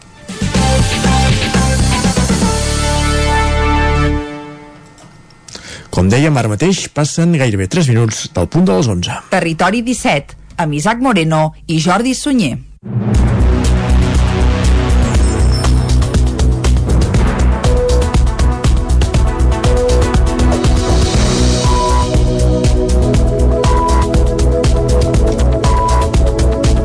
Divendres es complia el quart aniversari de l'1 d'octubre i a Osona hi va haver actes a molts pobles per recordar la jornada. A Manlleu es va inaugurar la plaça 1 d'octubre i a Vic l'agrupació Pacte, que engloba entitats com l'ANC, Òmnium, el CDR o la Cambra d'Osona, va fer una concentració a l'espai 1 d'octubre davant el Sucre. Els motors de cara a la commemoració divendres de l'1 d'octubre ja feia dies que s'escalfaven. Fa dos dijous, l'Assemblea Nacional, per exemple, va presentar al Teatre del Molí de l'Esperança de Gurb una campanya destinada a denunciar els dèficits que pateix Catalunya, amb l'objectiu de tornar a ser present, sobretot al carrer, després del parèntesi provocat per la pandèmia. Montse Moles és la coordinadora de l'ANC a Osona. El que volem demanar, el que volem reivindicar amb aquesta campanya també és tornem a sortir, tornem a reivindicar, tornem a demanar que volem ser un, un país independent. Això l'ANC no ho hem deixat mai. El primer acte d'aquesta campanya va ser una xerrada sobre el sistema sanitari català a càrrec d'Albano Dante Fachin. L'exdiputat de Catalunya Sí que es pot va fer un retrat de quina és ara mateix la situació que viu el moviment sobiranista i va, i va detallar que durant els darrers quatre anys no s'ha resolt cap dels dèficits que va provocar el conflicte. malgrat els indults i malgrat les històries que ens vulguin explicar, tots els fets que van portar aquesta societat durant anys a mobilitzar-se, etc., continuen estant, en el millor dels casos, igual, però en molts casos pitjor. No? I per tant, eh, bé, potser ha arribat el moment, sense deixar els aprenentatges antirepressius, perquè la repressió continua, doncs una mica també passa l'atac. I aquest passar l'atac de moment es va traduir en una multitud d'actes vinculats a l'1 d'octubre. A Manlleu, per exemple, des de divendres ja tenen una plaça amb el nom de la data que tenim gravada a la retina molts catalans. És la que popularment es coneixia com la plaça del Mercat dels Dilluns i que a partir d'ara porta per nom 1 d'octubre. Per commemorar els 4 anys del 1 d'octubre també es va fer una concentració a Vic, convocada per Pacte, que engloba entitats com l'ANC, Òmnium, el CDR, la Intersindical, la Cambra d'Osona i el Consell Local per la República. També es van fer concentracions a pobles com Ceba, Tona, Prats, Torelló o Sant Vicenç, entre d'altres. El preu del porc a la llotja de Vic encadena, encadena 3 mesos seguits a la baixa. La Xina comença a recuperar el ritme de producció interna de porcí i de mica en mica va deixant de comprar carn en mercats com el català. En les darreres setmanes han deshomologat alguns escorxadors de l'estat espanyol als quals la Xina comprava carn arran del brot de pesta porcina africana que afecta el país asiàtic des del 2018. Dos d'aquests escorxadors són d'Osona. Això ha repercutit ja en el preu del porc, que no ha fet més que baixar des del juny, quan es pagava a 2 euros amb 8 cèntims al quilo, mentre que ara es paga a 1 euro amb 54 cèntims. Si això hi sumem l'augment del preu del cereal, alguns ramaders ja apunten que en les darreres setmanes estan venent per sota del preu de cost. Oriol Rovira és membre d'Unió de Pagesos. Ja estem venint a la carn de porc sota preu de cost llavors això es fa que estiguem en una situació d'intriga ja que que no sabem el temps que pot durar ni, ni si això s'acabarà d'aquí tres mesos o durarà mig any o durarà un any o com, com pot acabar la situació uh, a més a més uh, hi ha l'augment de, del preu de, del cereal que, que en el cas del port d'engreix és gairebé el 70% de, del cost llavors això fa que, que de moment no es plantegi gaire bé aquest hivern. A Osona, els dos excursionadors que han perdut la llicència per vendre a la Xina són el grup Baucells Alimentació i Costa Food Meat. D'altres grups que tampoc podran exportar a la Xina són noms coneguts com Camprofrio o la Corporació Alimentària de Guissona. Més que una tendència, però, els experts ho consideren un sotrac. Ricard Carreras és membre del Centre Beta de la Universitat de Vic i coordinador de la Taula per la Gestió Sostenible de la Ramaderia d'Osona. Podrem remuntar per diferents raons. La primera és perquè som un sector eh, que portem molts anys d'experiència i que no és el primer escenari que ens trobem eh, desfavorable. Eh, però a més a més no oblidem que el sector porcí és un sector globalitzat i per tant la llei de l'oferta i la demanda no regeix eh, a nivell territorial sinó a nivell global. La reducció de la compra de carn de sector de porc, volem dir, pel gegant asiàtic, té un efecte ràpid sobre el mercat. El sector viu el moment amb incertesa i les mirades estan posades ara en si és una mesura de pressió per abaretir els preus o si cal adaptar-se a la nova demanda. Des de l'administració asseguren que en aquest, si fos aquest darrer el cas, la feina per continuar obrint mercats està feta. Sant Joan de les Abadesses vol tenir una de les set locomotores elèctriques de la sèrie 1000 que es van construir a l'estat espanyol. Isaac Muntades, des de la veu de Sant Joan. Sant Joan de les Abadeses té la intenció de portar una locomotora elèctrica al municipi de la sèrie 1000 que van ser construïdes l'any 1927 per donar servei al ferrocarril transpirinenc oriental de la línia que connectava Ripoll a Puigcerdà i l'estació francesa de la Tour de Carol. Anys després aquestes locomotores van ser renomenades com la sèrie 281 de Renfe. Aquestes locomotores, que eren més estretes, van construir expressament per fer aquest tram muntanyós de l'actual R3 i de la via que abans hi havia fins a Ugassa. Gràcies a aquest comboi es podien fer les corbes molt millor i no es forçaven les vies. En total només se'n van construir 7 a tot Espanya. La primera i la última de la sèrie van ser desmantellades. La 1002 està a l'estació de Ripoll cedida a l'Ajuntament. La 1003 es troba a Lleida en perfecte estat. La 1004 està incorporada a la col·lecció del Museu del Ferrocarril de Catalunya. La 1005 és a Saragossa i la 1006 està abandonada a les vies de l'estació de Ripoll i es va traslladar a un museu de Mora la Nova. Aquesta última és la que arribaria a Sant Joan després d'una sessió de DIF al consistori. Primer de tot, l'Ajuntament ja n'ha fet la sol·licitud d'inscripció al catàleg de Patrimoni Cultural Català. L'alcalde Ramon Roquer va explicar quin serà el procés que els hi tocarà fer a partir d'ara. Trobem finançament per poder-la restaurar i finalment doncs, poder-la portar a Sant Joan. En tot cas, el que sí fem, perquè la sessió ja és ferma i per tant l'Ajuntament en tenim la possessió, és declarar aquest bé, com bé deia la senyora secretària, del patrimoni cultural català, que bàsicament són aquells béns immobles i immobles relacionats amb la història, la cultura de Catalunya, que per llur valor històric, artístic, arquitectònic, arqueològic, paleontològic, mereixen una protecció i una defensa especial, de manera que puguin ser gaudits per la ciutadania i puguin ser transmesos en les millors condicions a les generacions futures. Eh?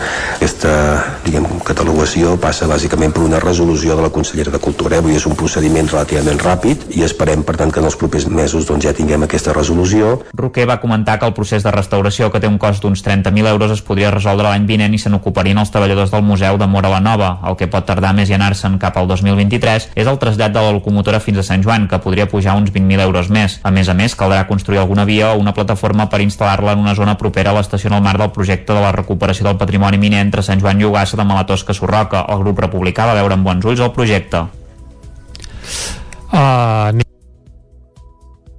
la Biblioteca Municipal de Vigues i Riells del Fai impulsa una nova secció sobre ecologisme i teràpies alternatives. Caral Campàs, des d'Ona Codinenca. El públic interessat en mantenir un estil de vida saludable i respectuós amb el medi ambient ja té el seu fons especialitzat a Vigues i Riells del Fai. La Biblioteca Municipal ha estrenat aquest nou fons documental anomenat Vida Natural i Sostenible. Sentim Anna Gol, bibliotecària. L'objectiu primer és unificar tots els documents que tractin eh, sobre, sobre precisament això, un vida natural i sostenible, Partint de, de l'interès que hi ha sobre mantenir una vida saludable, respectar el medi ambient i doncs, partint de, de tot això doncs, unificar tots els documents per facilitar el seu accés.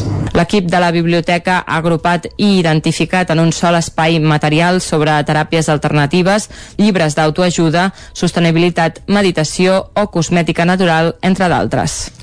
Després de les limitacions de l'any passat, en què per culpa de la pandèmia només hi va haver dos caps de setmana d'activitat, ahir diumenge va tornar al mercat de la patata del bufet d'Uris. Ho va fer en el format habitual als jardins de la rectoria i seguirà obrint encara la resta de diumenges d'octubre.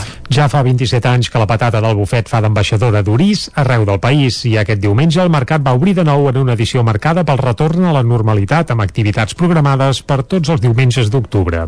Ahir, per exemple, hi va haver passejades amb poni pels més petits i el cap de setmana que ve hi haurà una mostra de gallines flor de Matller. El següent es farà la 25a edició del concurs de pintura ràpida i el darrer diumenge es recuperarà la castanyada. Pel que fa a la producció de patata del bufet, els productors reconeixen que aquest ha sigut un bon any. Se n'han posat a la venda entre 14.000 i 15.000 quilos i el preu és el mateix de l'any passat. Josep Soldavila és un dels quatre productors que queden de patata del bufet la patata en general va molt cara i nosaltres no hem apujat preu, o sigui continuarà a euro 40 el quilo que a euro 40 el quilo el bufet jo crec que és un preu molt ajustat, doncs el que ningú nega és que no sigui una patata bona. O sigui, la gent pot discutir moltes coses, però a l'hora del plat és superior. El mercat de la patata del bufet d'Uris tornarà tots els diumenges que encara queden d'octubre des de les 10 del matí i fins a la 1 del migdia.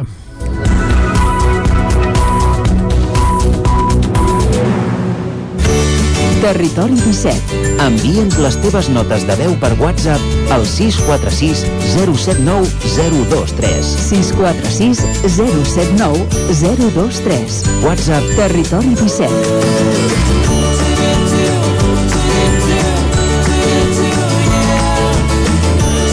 Territori 17.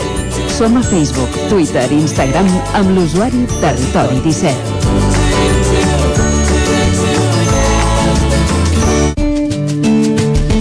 Anem pels solidaris que cada setmana ens porten des de Ràdio Vic amb l'Eloi Puigferrer. Avui parlem de l'ATFO. Avui l'Eloi Puigferrer, com dèiem, ens parla de l'ATFO. Osona té un teixit solidari envejable i la prova més clara n'és la gran quantitat d'entitats amb les que hem anat parlant aquí al programa Solidaris. I és que si ho mirem en perspectiva hi ha una mica de tot. Entitats que miren més enllà de les nostres fronteres, d'altres que centren la seva activitat en les nostres ciutats, algunes que vetllen per als desafavorits o organitzacions que donen eines i empoderen a qui més falta els fa. Noms propis n'hi ha una infinitat, però alguns destaquen més que els altres, i l'entitat amb la qual parlarem avui n'és un exemple molt clar.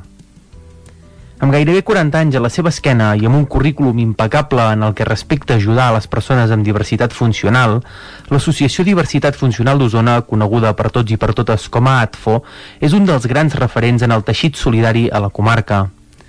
Així que avui, aprofitant que s'acosta el seu 40è aniversari, des de Ràdio Vic i a través de l'antena del Territori 17, coneixerem a fons aquesta entitat de la mà de la Maria Balasc, gerent de l'ATFO, qui ens narra els seus orígens.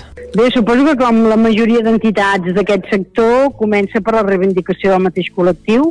Van ser un grup de persones amb diversitat funcional però amb també amb mobilitat reduïda que es van començar a reunir aquí a la comarca per reivindicar sobretot temes d'accessibilitat, d'aparcaments, eh, de reserves d'aparcaments, accessibilitat, etc.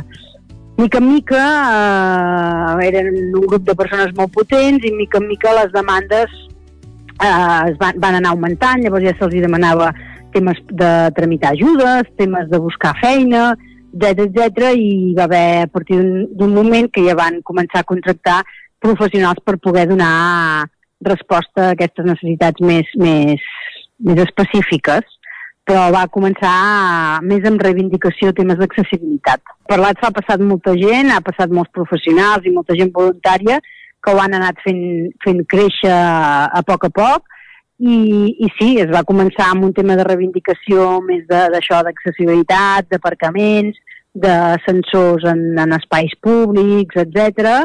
I llavors, eh, mica en mica, això, es van anar contractant professionals. Actualment, a l'entitat doncs, eh, tenim un, un treballador, una treballadora social que és la que fa les entrevistes a totes les persones que, que entren a, a casa nostra per veure quines són les necessitats que tenen i derivar-la cap al, al servei més, més adequat al que la persona necessita. Si per una cosa destaca l'ATFO és per la seva versatilitat, ja que toca tantes tecles que sempre està al costat de qui la necessita. Tenim tot un, un departament de servei d'integració laboral a l'empresa ordinària, que el que fem és buscar, buscar feina eh, en empreses ordinàries per persones que tinguin eh, diversitat funcional física, i els hi busquem el millor lloc de, de treball per cada un d'ells. I no només els hi busquem feina, sinó que també mentrestant es fa tot un tema de reciclatge, de formació, d'empoderament eh, i al mateix temps també des del 2009 sí que hi ha persones doncs, que pel motiu que siguin potser no poden entrar directament a l'empresa ordinària i vam crear un, una empresa pròpia, un centre especial de treball, on ara actualment hi tenim unes 40 persones treballant, tot elles amb, totes elles amb, amb diversitat funcional i que amb el temps també els hem de poder inserir a l'empresa ordinària. Uh, també tenim tot un, tot un seguit d'activitats que nosaltres en diem xarxa inquieta, que són mm, activitats més terapèutiques, més ocupacionals, més socials, que són doncs, des de, no sé, des de curs de pintura eh, taller de manualitats, de dansa, eh, club de lectura, eh, a pintura, mm, fan, fan moltes coses, van a caminar, fan gimnàs també, eh, fan moltes activitats, de dilluns a divendres poden venir cada, cada dia a fer, a fer alguna activitat.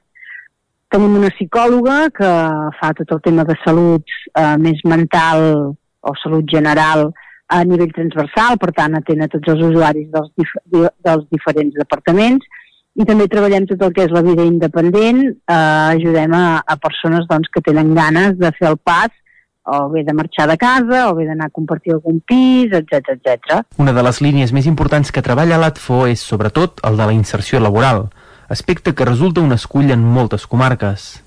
El bagatge de l'ATFO, però, juga un paper fonamental – Balasc ens ho explica. Nosaltres fa 40 anys que existim, per tant ja són molts anys, bueno, els farà l'any que ve, eh? jo ja dic 40 i no, en fa 39 que existim, eh, i per tant hi hem un, amb un currículum a darrere i per tant les empreses, moltes d'elles ja fa molts anys que treballen amb nosaltres i que ens coneixen. Llavors nosaltres el que fem és eh, anar a veure les empreses, eh, explicar-los que nosaltres disposem d'una borsa de treball de persones amb diversitat funcional, els hi expliquem, hi ha empreses que estan obligades, perquè les empreses de més de 50 treballadors estan obligades a tenir un 2% de persones amb diversitat funcional, i les empreses amb menys de 50 treballadors, doncs, bueno, els expliquem que el fet de contractar una persona amb diversitat funcional doncs té uns avantatges per l'empresa, no? I a partir d'aquí comencem una relació, ens, ens passen ofertes i nosaltres amb les persones que, que gestionem anem cobrint aquestes ofertes. Mentrestant, perquè aquest camí que ara explico així ràpid, doncs a vegades no és tan ràpid, mentrestant amb la persona moltes vegades el que fem doncs, és formacions també per reorientar la persona, a vegades són persones doncs, que s'han dedicat tota la vida a un camp i ara pel tema de la discapacitat ja no poden dedicar-s'hi, per tant hem de fer un reciclatge, a vegades també doncs, l'oferta que hi ha al mercat, no? pots trobar doncs, que durant una època no saps per què, ostres, et demanen molts temes d'administradors o administra, administració, doncs fas cursos eh, d'atenció al client. Ostres, ara ens demanen molts cuidadors de, de granja, doncs fas un curs de cuidadors de granja, no? Vas fent cursos depenent una mica també de les demandes de, de les empreses. A partir d'aquí, un cop s'ha fet la, la inserció, eh, nosaltres fem un seguiment, però sí que és veritat que, que aquest seguiment pot ser molt d'un nivell molt baix, perquè un cop s'ha fet l'inserció, en principi tot ha de funcionar correctament. Tenim una sort molt gran, que és que vivim en una, empre... Ai, en una comarca, doncs, eh, jo crec que, bueno, que totes les entitats que treballem en aquest sector, tant nosaltres que treballem amb persones amb diversitat funcional física o els psíquics o els mentals, com Sant Tomàs o zonament, eh, doncs les empreses que hi ha a la comarca això ens coneixen molt bé i, i, i no ens costa, no ens costa tant com pot costar amb, amb comarques una mica més poblades i més difícils. Malgrat que l'objectiu principal sempre passa per inserir els seus usuaris en el mercat laboral, no sempre és possible. Però això no va suposar un fre per l'ATFO, que va tirar-se a la piscina i va crear una empresa pròpia, l'ATFO7. Nosaltres sempre havíem defensat que els nostres usuaris podien treballar a l'empresa ordinària, val? i així ho vam estar fent fins al 2009. Però sí que és veritat que ja portàvem un temps dient, ostres, eh, és veritat que poden treballar a l'empresa ordinària, però hi ha un col·lectiu de persones que abans d'entrar a l'empresa ordinària han de passar per una empresa protegida eh, per aprendre coses, no? I va ser quan vam dir, doncs va, muntem el nostre, la nostra empresa, el nostre centre especial de treball. En aquell moment també des de l'hospital, des del Consorci Hospitalari de Vic se'ns va oferir la possibilitat de poder gestionar la botiga que hi ha entrant a recepció mà esquerra i per tant va ser l'excusa perfecta per, per crear aquesta empresa.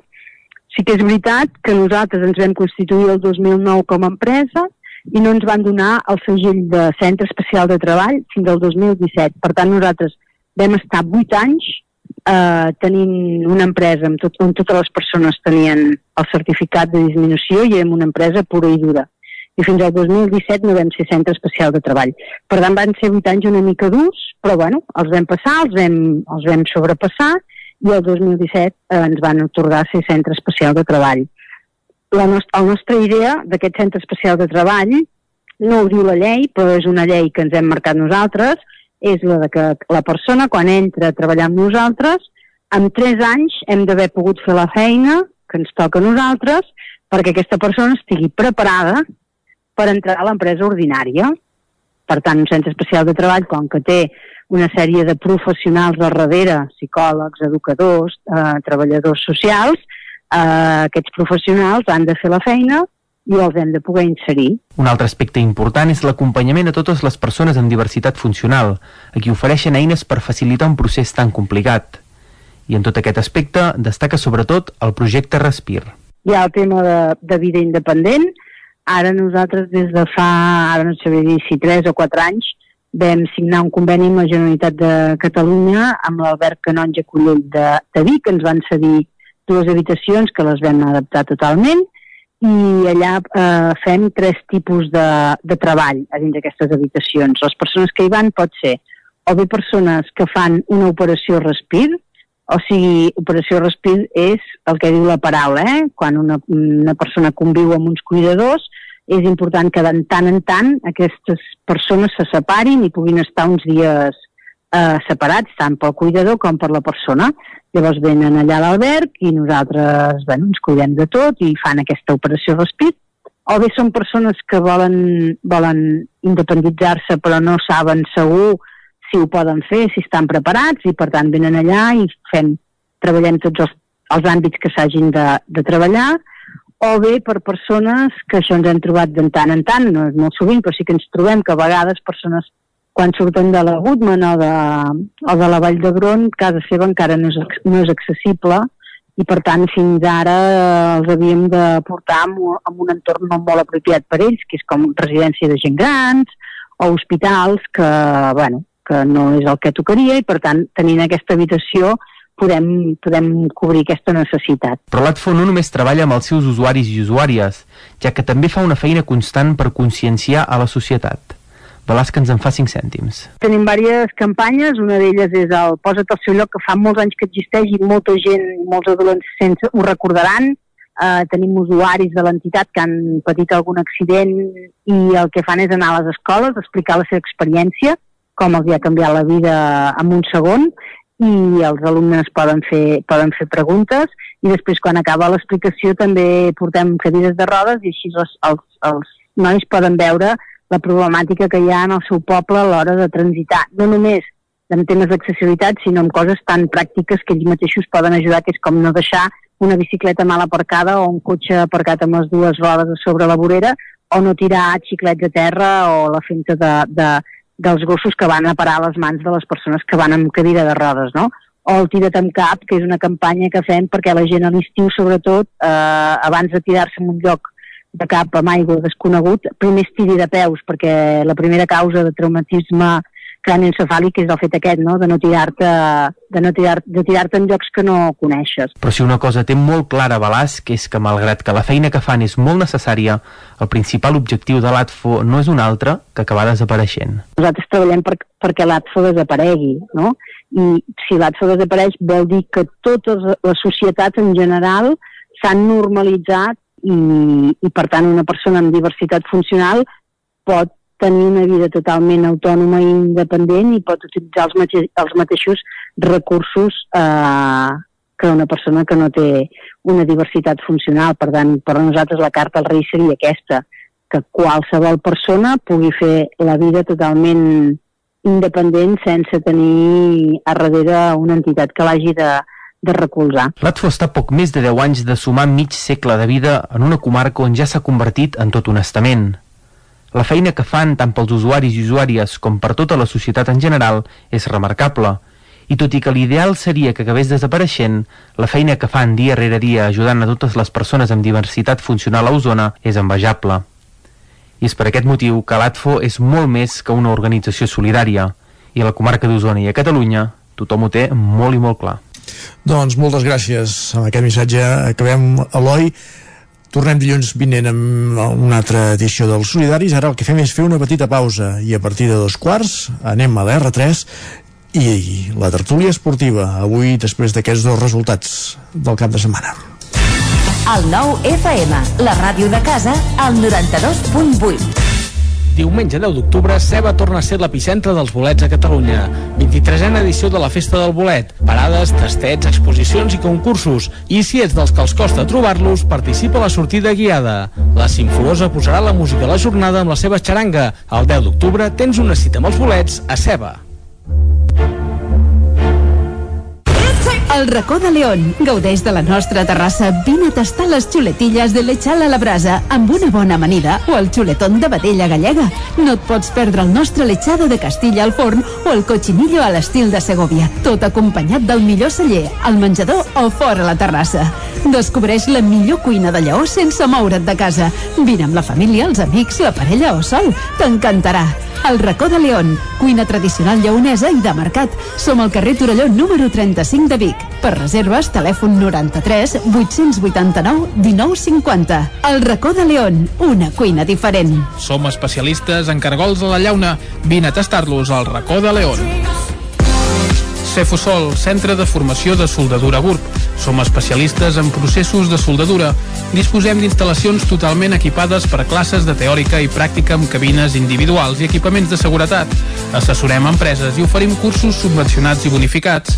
Vine i t'informarem. Cefusol, som al carrer Sant Roc número 21 de GURB. Telèfon 664 206 192. També ens trobaràs a cefusol.com i a YouTube. Cobertes serveis funeraris. Els nostres tanatoris estan ubicats en els nuclis urbans més poblats de la comarca d'Osona per oferir un millor servei. Tanatori de Vic, Tanatori de Manlleu, Tanatori de Centelles i Tanatori de Roda de Ter. Sabem que són moments difícils i per això el nostre compromís és atendre-us en tot moment amb un tracte humà, sensible i respectuós. Cobertes serveis funeraris. Telèfon 24 hores 93 883 23 46. Anuncia't al 9FM. La màquina de casa. 9 3 8 8 9 4 9 4 9. Publicitat arroba al 9FM.cat. Anuncia't al 9FM. La publicitat més eficaç. Cocodril Club. Si t'agrada la bona música dels anys 60, 70 i 80, escolta el 9 FM els matins de dissabtes i diumenges d'11 a 1. És el temps del Cocodril Club, tot un clàssic de la ràdio, amb les bases del pop-rock, les llegendes, les cançons que s'han convertit en autèntics himnes. Recorda, dissabtes i diumenges al matí, d'11 a 1, al 9 FM 92.8. Cocodril Club, el programa revival de l'Albert Malla.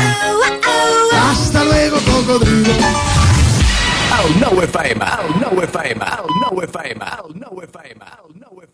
Territori 17.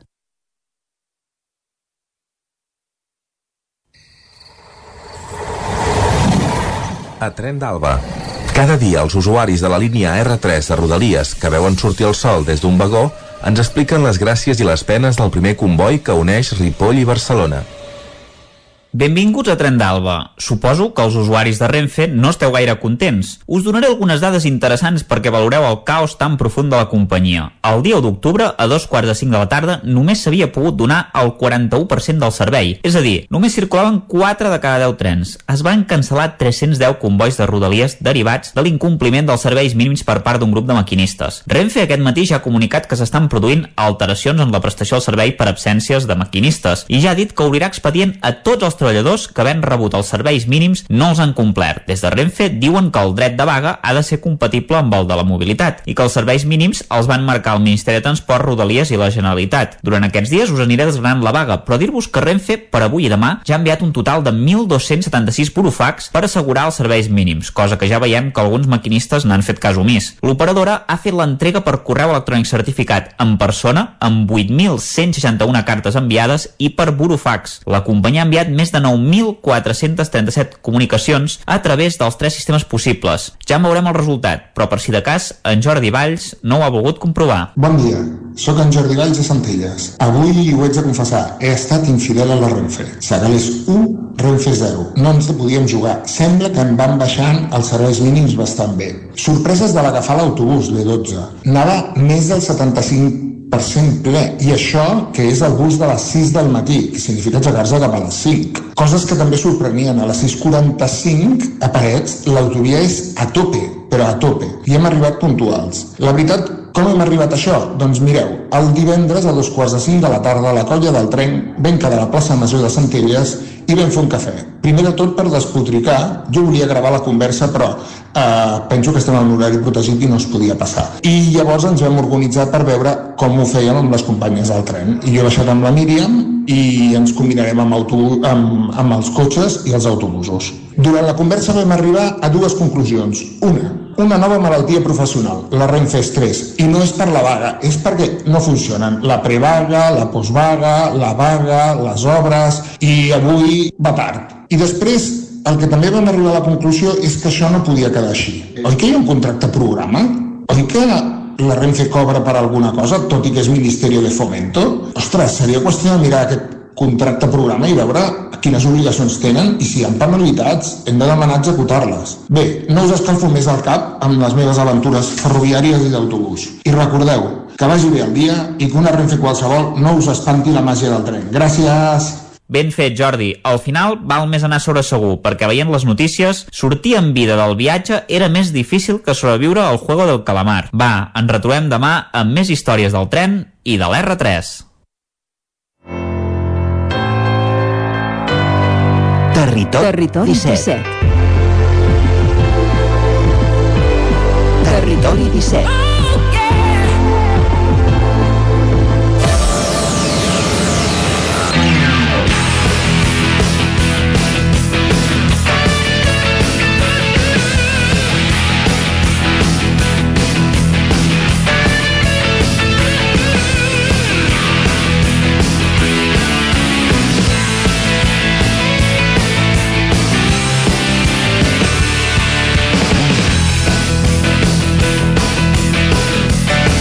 Passen 4 minuts a dos quarts de 12, entrem a la recta final del programa, a la tertúlia esportiva, per parlar de, de com està funcionant la Lliga de Futbol després d'aquest cap de setmana en què hem vist un Atlètic de Madrid 2, Barça 0 i un Espanyol 2, Real Madrid 1. Lluís de Planell, aquesta la vas encertar, eh? Bon dia. Bon dia. Bon dia. De tant en tant. Hola, Guillem, també. I oli Isaac Montades, també, eh? Hola, bon dia. Deies, de, deies Lluís, Que de tant en tant el futbol ha de fer justícia. I, i llavors podia, va guanyar el millor.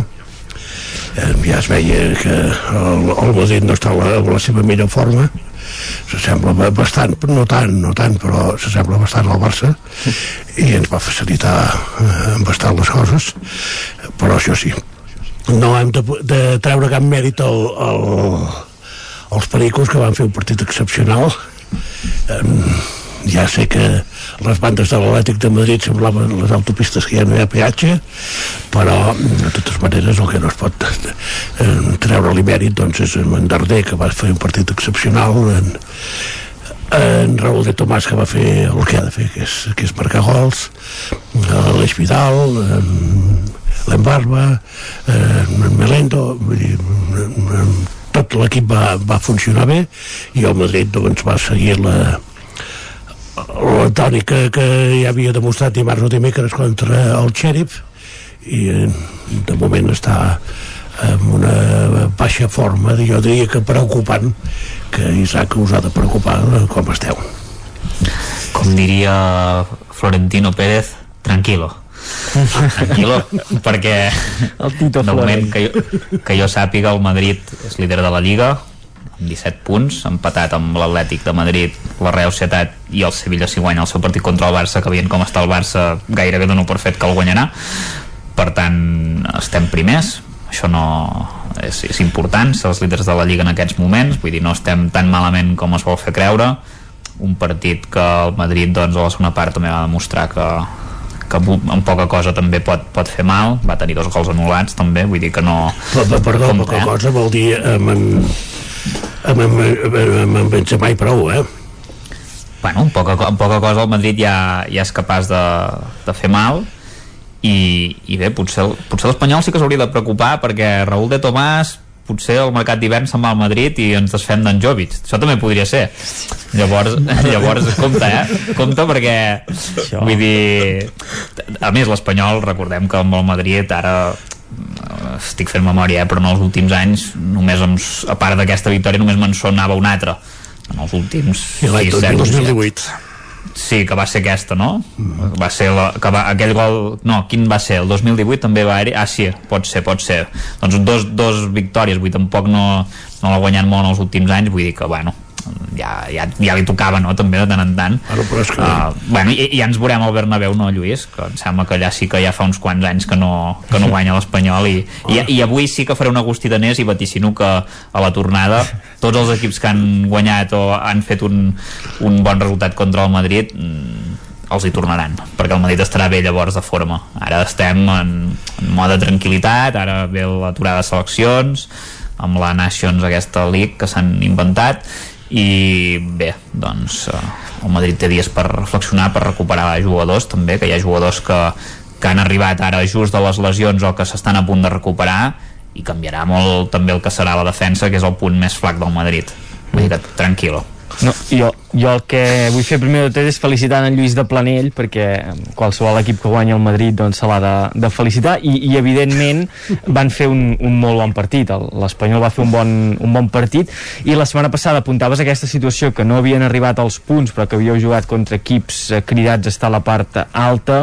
Mm, doncs eh, et, et dona la, la raó que l'Espanyol quan comencin a arribar eh, equips de, de la seva lliga entre cometes jo crec que té un nivell competitiu i un nivell de plantilla més elevat i ho va demostrar aquesta setmana amb el, amb el Madrid que si es recuperen jugadors com per exemple Aleix Vidal i Aleix Vidal és un jugador que quan ha tingut protagonisme sempre m'ha agradat o, o Raúl de, de Tomàs jo crec que ha canviat fins i tot el xip Raúl de Tomàs que era un jugador no sé, no, no sóc seguidor de l'Espanyol del dia a dia, però tenia una mica la sensació que quan jugava amb l'Espanyol feia gols, feia la feina, però que ho feia una mica fastiguejat. Uh, aquí estic jugant aquí... Uh... No, és el seu caràcter, eh? més, més que fastiguejat és el seu caràcter, vull dir, però és d'aquesta manera. L'he vist ara uh, compareixer davant la premsa, per exemple, o xerrar davant de, de càmeres, i, i sembla fins i tot que ha canviat l'actitud, Raül de, de Tomàs, molt més obert, això, molt més comunicatiu, vull dir que potser també dintre del vestidor hi ha hagut un, un un canvi de xip i això pot, pot, ser, pot ser positiu per, per l'Espanyol i, i per ell, per ell mateix que, que segur que farà un, un pas endavant i creixerà.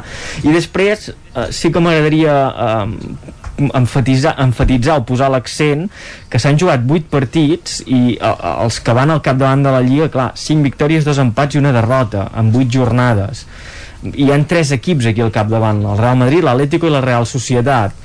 Mm, no sé si devia fer molts anys que això no passava que, que els equips que estan liderant la competició que hagin fallat tant Uh, i que no hi hagi, per exemple, el Barça uh, hem de, no hem d'oblidar que el Madrid ja fa dies que va perdre en Cristiano que era una referència sí, sí. i el Barça acaba de perdre en, en Messi que, que és molt més o era molt més que una referència uh -huh. vull dir, això s'ha de notar per força amb l'equip sí, sí. i llavors vull dir en, en, a mi el que m'agrada és que no hi hagin dos equips o tres com molt que es destaquin si no eh, també acabem de començar eh? vull dir que, que tampoc t'he dit això encara.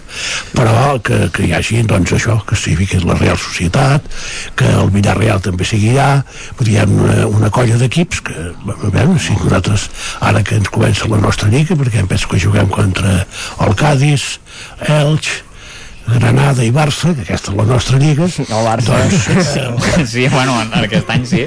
Clar, i llavors vull dir si, amb aquesta lliga si ens posem una mica a to o si seguim el ritme d'ahir per exemple doncs bé, també traurem el cap per allà. Fins on arribarem no ho sé però com a mínim estarem tots 10 primers que és el que ens correspon. Mm. I, i que en aquesta última setmana han, han passat moltes coses. Uh, avui en, en Lluís de Planell pot treure pit i, i és, és evident que, que ho faci. I jo crec que, que tant jo com, com tu Isaac hauríem d'intentar fer una mica d'autocrítica perquè uh, queda molt lluny no això del xèrif una mica d'autocrítica no. però, però, però jo faig autocrítica quan les coses van una, van una mica bé quan, quan, ara és quan s'ha d'animar l'equip quan no van tan bé.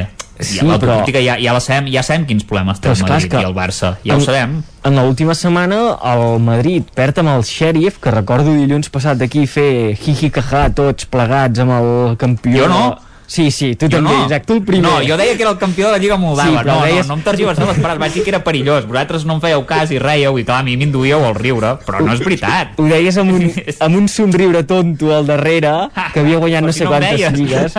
Vull dir, i, I després el Barça, que és clar, el Barça amb el Benfica, que era el típic sí, equip sí. que sempre eh, voltava per la Champions, però que eh, bueno, passava la fase de grups eh, i era l'equip que tothom volia en les eliminatòries, en la primera eliminatòria de, de Champions. Clar, amb el Barça és que el van, el van destrossar al camp del Benfica amb una, amb, amb, un, amb una imatge pèssima i després arriba a la Lliga i també el Madrid amb l'Espanyol que l'Espanyol uh, va competir uh, uh, molt bé i el Barça al camp de l'Atlético de Madrid uh, un Barça que et diuen que és el no sé, el Granada o un equip de mitja taula de la Lliga de, de Futbol Professional i tu creus, un Barça que no, no, no tenia nervi, no tenia absolutament res de res i, i ho va dir Piqué, no? que, que pots estar jugant 3 hores i no faràs, i no, cap, gol. I no faràs cap gol de totes maneres, eh, jo, jo estaria més preocupat si fos del Barça que no pas que si fos del Madrid sí, per exemple, clar. ahir en, en Kroos va jugar el primer partit de titular després de, Exacte. de, de molt de temps sí, sí. d'això sí, sí. vull dir que és, clar, si en Kroos es posa bé ajudarà amb, amb Modric sí, sí. que continua sent eh, per mi un, Casemiro Exactament, Casemiro Casemiro tampoc. està molt baix de forma, en Mendy no, no està a l'equip, està a punt de tornar, Carvajal està lesionat, com amb la defensa, que la defensa del Madrid ha de millorar, eh? Sí. I, I amb el Barça aquesta situació que, que jo crec que és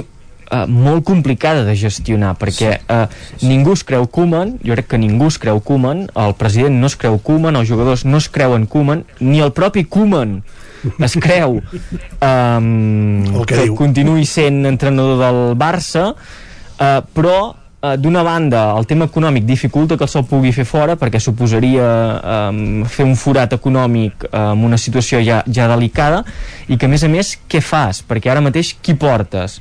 Portes un entrenador um, diguem un pedaç per acabar la, la Lliga sabent que el projecte segurament passa per Xavi a, a, a curt termini? És que no el troben aquest ni el, ni no, no, el pedaç no el troben per això, eh? per això, esclar, ningú et vol venir perquè qui, qui, qui et voldrà venir sabent que, que ho hauràs de fer molt, molt, molt bé perquè a final de temporada continuïs a més a més amb la plantilla que tens. I arribaràs i d'aquí dos dies tens el, el Madrid, el, el Camp Nou també, amb l'aturada uh, aquesta. Vull dir que, és clar si, si el Madrid es posa una mica les piles, no, no, sí, sí. no hi ha dubte, perquè jo, el que abans deia d'en Cos i en Modric i Casemiro, eh, inclús el Valverde, doncs són, són jugadors que, eh, diguem, estan en, en disposició de que quan es posin en forma portar el ritme de l'equip. Jo, Nicos i Capis i sí. això, ja en tinc Exacte. dubtes de si això serà possible. Bueno, amb aquests jugadors... A, a, se'ls se, se ha de donar uh, confiança, paciència, sabent que et fallaran. I el que no s'ha de fer, jo crec que és el que va fer també aquest cap de setmana Koeman després del partit, que, vale, sí, Nico no, no segueix a, a l'Emar en, el, en el gol, té una errada, però fotre el, el peu dels cavalls davant de tothom, assenyalant-lo d'aquesta manera, eh, per què no és valent i, i assenyala que Coutinho uh, ni que xutés a un metre de la porteria no, faria gol sense porter. Que Coutinho és el seu jugador protegit per començar, li adapta l'esquema perquè pugui jugar i, Doncs- i ja ho va fer l'any passat i ho torna a fer perquè clar, és el jugador més car de la història del Barça, recordo. Sí. Suposo Sí, que clar. alguna, algun rendiment Però- li han de treure, no? Si m'hi fiqués jo a jugar... Sí, sí, sí. Bueno, no, no, no ho diguem, eh, això de si ens hi fiquem nosaltres, perquè després ens hi ficaríem i, i seria un desastre. I quedaríem en- en evidència. Sí, tam també t'ho dic, eh, val més no dir-ho mai, això, però fes-me No, cas. No, però, però el ritme de joc de Coutinho Sí, sí. És, és, és pèssim. és de quarta catalana. I, I Memphis, jo crec que ja comencem a veure què és Memphis, perquè Memphis Depay No és un golejador. va tenir una, una, una explosió en el PSV i ja va tenir una oportunitat en un gran club que va ser el Manchester United eh, fa forces anys.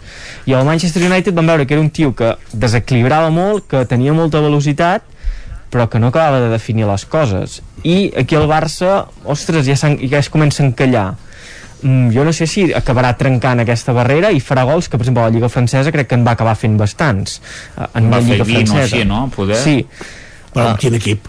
clar, amb un Olímpic de Lió contra els rivals que, que eren amb La. Lliga de Grangers que diuen, no? Sí, bueno, I que no està en Lliga de Grangers al final, resultarà. I amb un equip que no s'havia de, de, de tirar l'esquena ell, perquè ara, ara ha de portar l'equip ell, del mig endavant.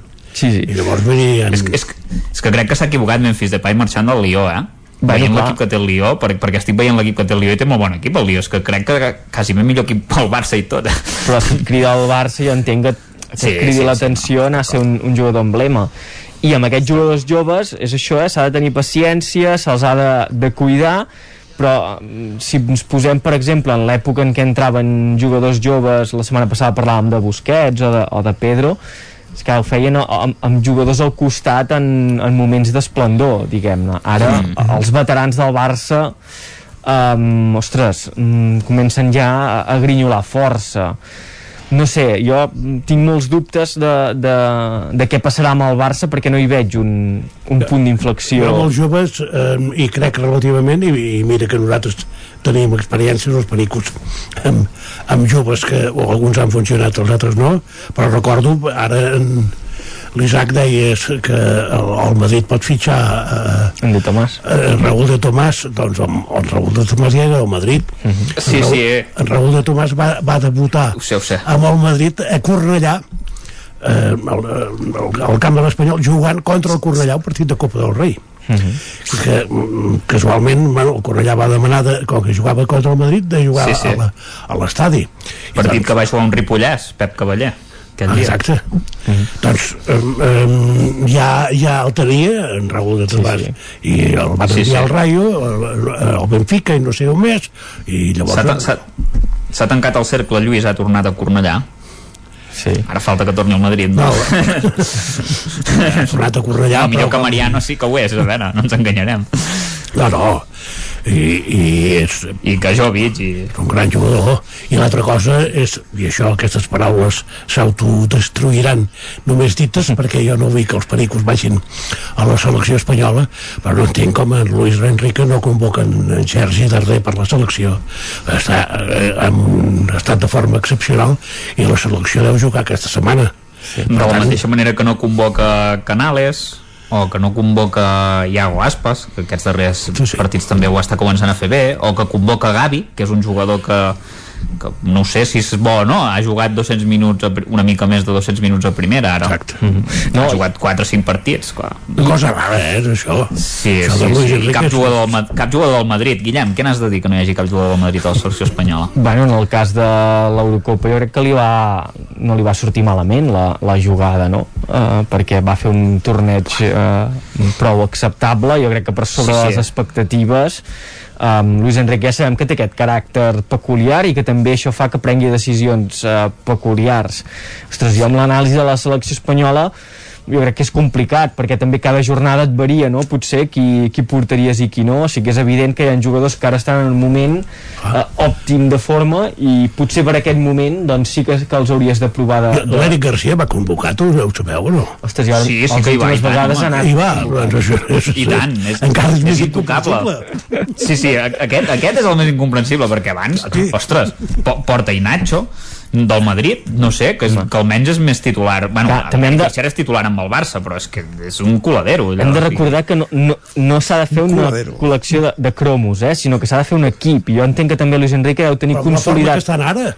Bueno, però tu, sí, sí, formes sí, però si el canvies de, del, o sigui, d'un hàbitat concret, eh, mm, Luis Enrique deu tenir fet un grup, un gruix de jugadors que deuen tenir automatismes eh, apresos a la selecció i potser creu que si fa molts, molts canvis, de, de cop portar Darder, de Tomàs, eh, Canales, Però si, però se si li cada canviarà. convocatòria fa, fa 50.000 canvis, si, si, si és l'equip que més canvia. Jo, ja, Sí. jo, estic, jo tinc molta por amb Itàlia, eh? vull dir, serà un sac de gols, eh, el partit contra Itàlia.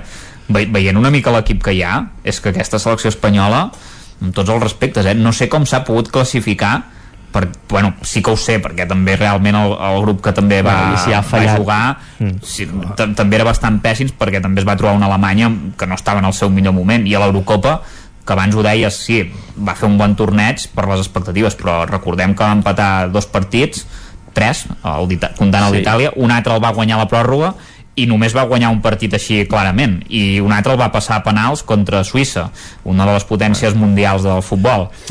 Vull dir, compte eh que, que la selecció aviam, jo ja afirmo, he guanyat els dos partits als penals i, i de mala manera per guanyar aquesta Nations o com se digui bueno, que, està, que està bé guanyar-la no? que ja, mira, ah, una cosa que no hi ha doncs mira. Però ostres, no sé, la selecció espanyola crec que el nivell és baix respecte al del 2008-2012 Bueno, clar, és que estàs, ho estàs I jo continuo Clar. dient que si el, el partit es juga aquesta setmana o la setmana que ve, no sé quan, eh, sí. has d'agafar els jugadors que estan en forma Més en aquesta forma. setmana i, i la passada. Eh, el que no pots agafar és jugadors que en aquests moments passen problemes pel que sigui. Uh Mhm. -huh. I, I per molt que siguin del grupet o no sé què, doncs escolta, el grupet ja el fas. Vull dir, mm, Sí, no sé, crec que és complicat eh, posar-nos en la ment de... O sigui, és complicat de posar-se... Luis Enrique segur. Anava a dir, és sí. complicat posar-se en la ment d'un entrenador, encara ho ha de ser més posar-se en la ment d'un seleccionador per la idiosincràsia que comporta el càrrec, i ja no et dic de Luis Enrique, que... I, i en la de Koeman? Clar, i Koeman jo crec que és... Perquè aquest, aquest canvi de gir de guió de dissabte de... va, eh, eh, evidencia això, que ningú vol venir que deia Lluís no, abans. no, no, hi ha, no hi ha diners, Isaac. No, això és evident però... que, Bueno, que ni- tenien ni, ni diners ni, ni, ni, presti, ni prestigi per venir al Barça perquè és el que deien l'altre dia que eh, entrenadors que ara mateix no tenen un, un, una banqueta definida o fins i tot un càrrec definit eh, el cas de Pirlo és clar que li ho diguessin a Pirlo i Pirlo, bueno, m'ho he de pensar. Però és que Pirlo va entrenar 15 dies al, a Itàlia, no ha entrenat més, és un, és un exjugador bueno, que té eh, aspiracions de ser entrenador, però doncs, és que de, de moment no ha fet res. i per què no ve entrenar al Barça? Sí. O sigui, imagina't com està la banqueta del Barça de fenestrada Bueno, per, per, perquè sap que comença, comença ara la seva trajectòria com aquell que diu si ve el Barça i se la fot és que clar, Ja. ja, és un desastre però no, I- Pa- i Barça i, es i va oferir, es, hi va haver un entrenador que es va oferir bueno, que va dir que li agradaria, eh, que és el del Granada eh? Sí, en Robert Martínez. Però- eh, Robert Moreno. Que li agradaria quan el, fessin, Moreno. quan el fessin fora del Granada perquè Sí, que- que no, no- fins que- aquesta que aviam. setmana no, no ha Ahir- guanyat. Exacte, i va guanyar vull dir Ai, que podés sí, man- bueno, vull dir que va guanyar aquesta setmana, manter, no? podés manter alguna setmana més però bueno, si el foten fora, ostres, bona opció no? per, per entrenar al Barça. Jo crec que és això, eh, que hi ha una crisi de prestigi al Barça eh, a nivell de, de, de, de banqueta i llavors de, de jugadors que s'afegeix a, la, a la part econòmica, que òbviament ara no pots portar cap jugador a, a cop de talonari, a cop de et pagaré això i allò, i tampoc el pots convèncer ni per projecte esportiu ni per filosofia de, de joc perquè eh, també s'ha dilapidat absolutament tot. Per tant ens queden això, ens queda aquests nanos joves que es vagin fent. Veurem si el, amb aquest suport de, dels més veterans i sobretot no, no fotre'ls al peu, als peus dels cavalls ja sabem que fallaran, ja sabem que aquesta temporada s'ha d'anar eh, a competir a intentar el més, estar el més amunt possible um, i, i a passar com es pugui el, el curs El que passa que aquest passar com es pugui és classificar-se Sí. sí. a la següent ronda de la Champions Bueno. perquè si no econòmicament sí. eh, Sí. llavors ja serà horrorós eh? sí, però han, han de guanyar l'Europa League si guanyen l'Europa Ah, League, això sí. també Seria una altra- directe. Que serà la, la competició més important del món, eh, després. Sí, sí, aquest Bueno. any sí, ja ho veuràs. Però és que anem fent la comparativa. Jo vaig fer una comparativa amb el Milan i el Manchester dels últims 6-7 anys i jo crec que anem cap aquí a aquest cantó. I si t'hi fixes, el Milan, el Milan va desaparèixer absolutament de, de competicions europees i el Manchester ha estat moltes temporades competint a Europa, Europa League primer per la dificultat de la lliga anglesa i després per les seves possibilitats Però si això passa al Barça, que tardeu Sí. gaires anys, haureu de, no, no caldrà que feu el Camp Nou, aneu al joc en Cruyff, que hi, hi cabreu tots. Què vols dir? Sí, sí. Marxarà tothom? Home. Sí? Que no has vist les entrades que hi ha?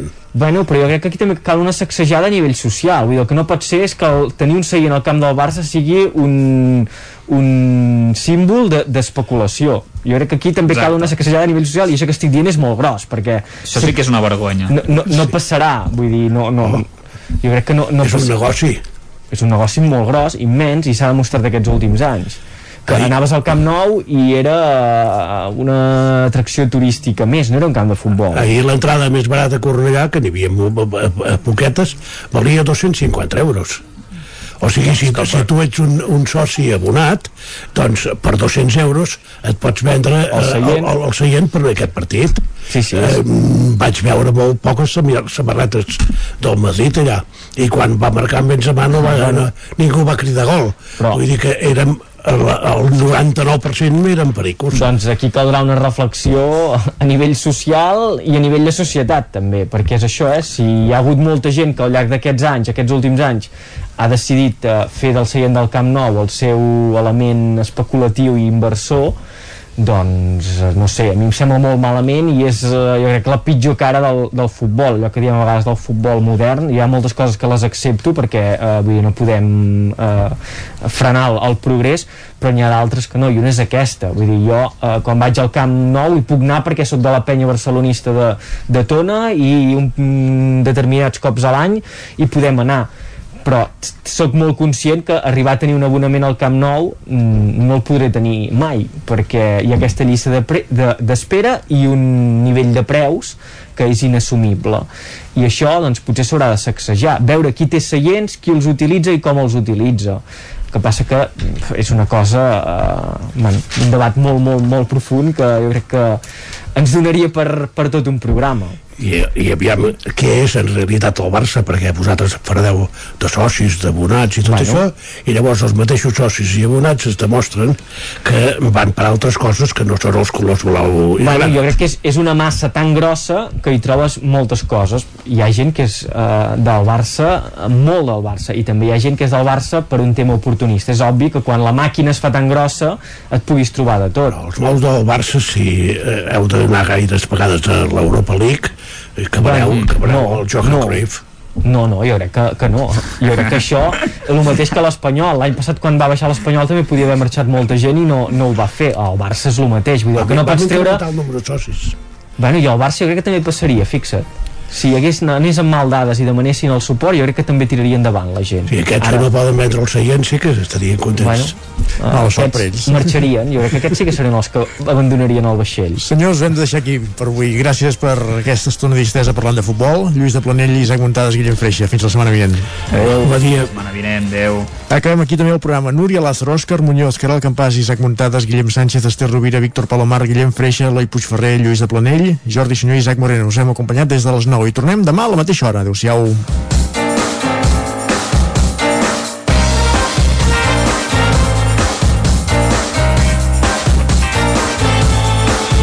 Territori 17, un magazín del nou FM. La veu de Sant Joan, Ona Codinenca i Ràdio Cardedeu amb el suport de la xarxa. El nou FM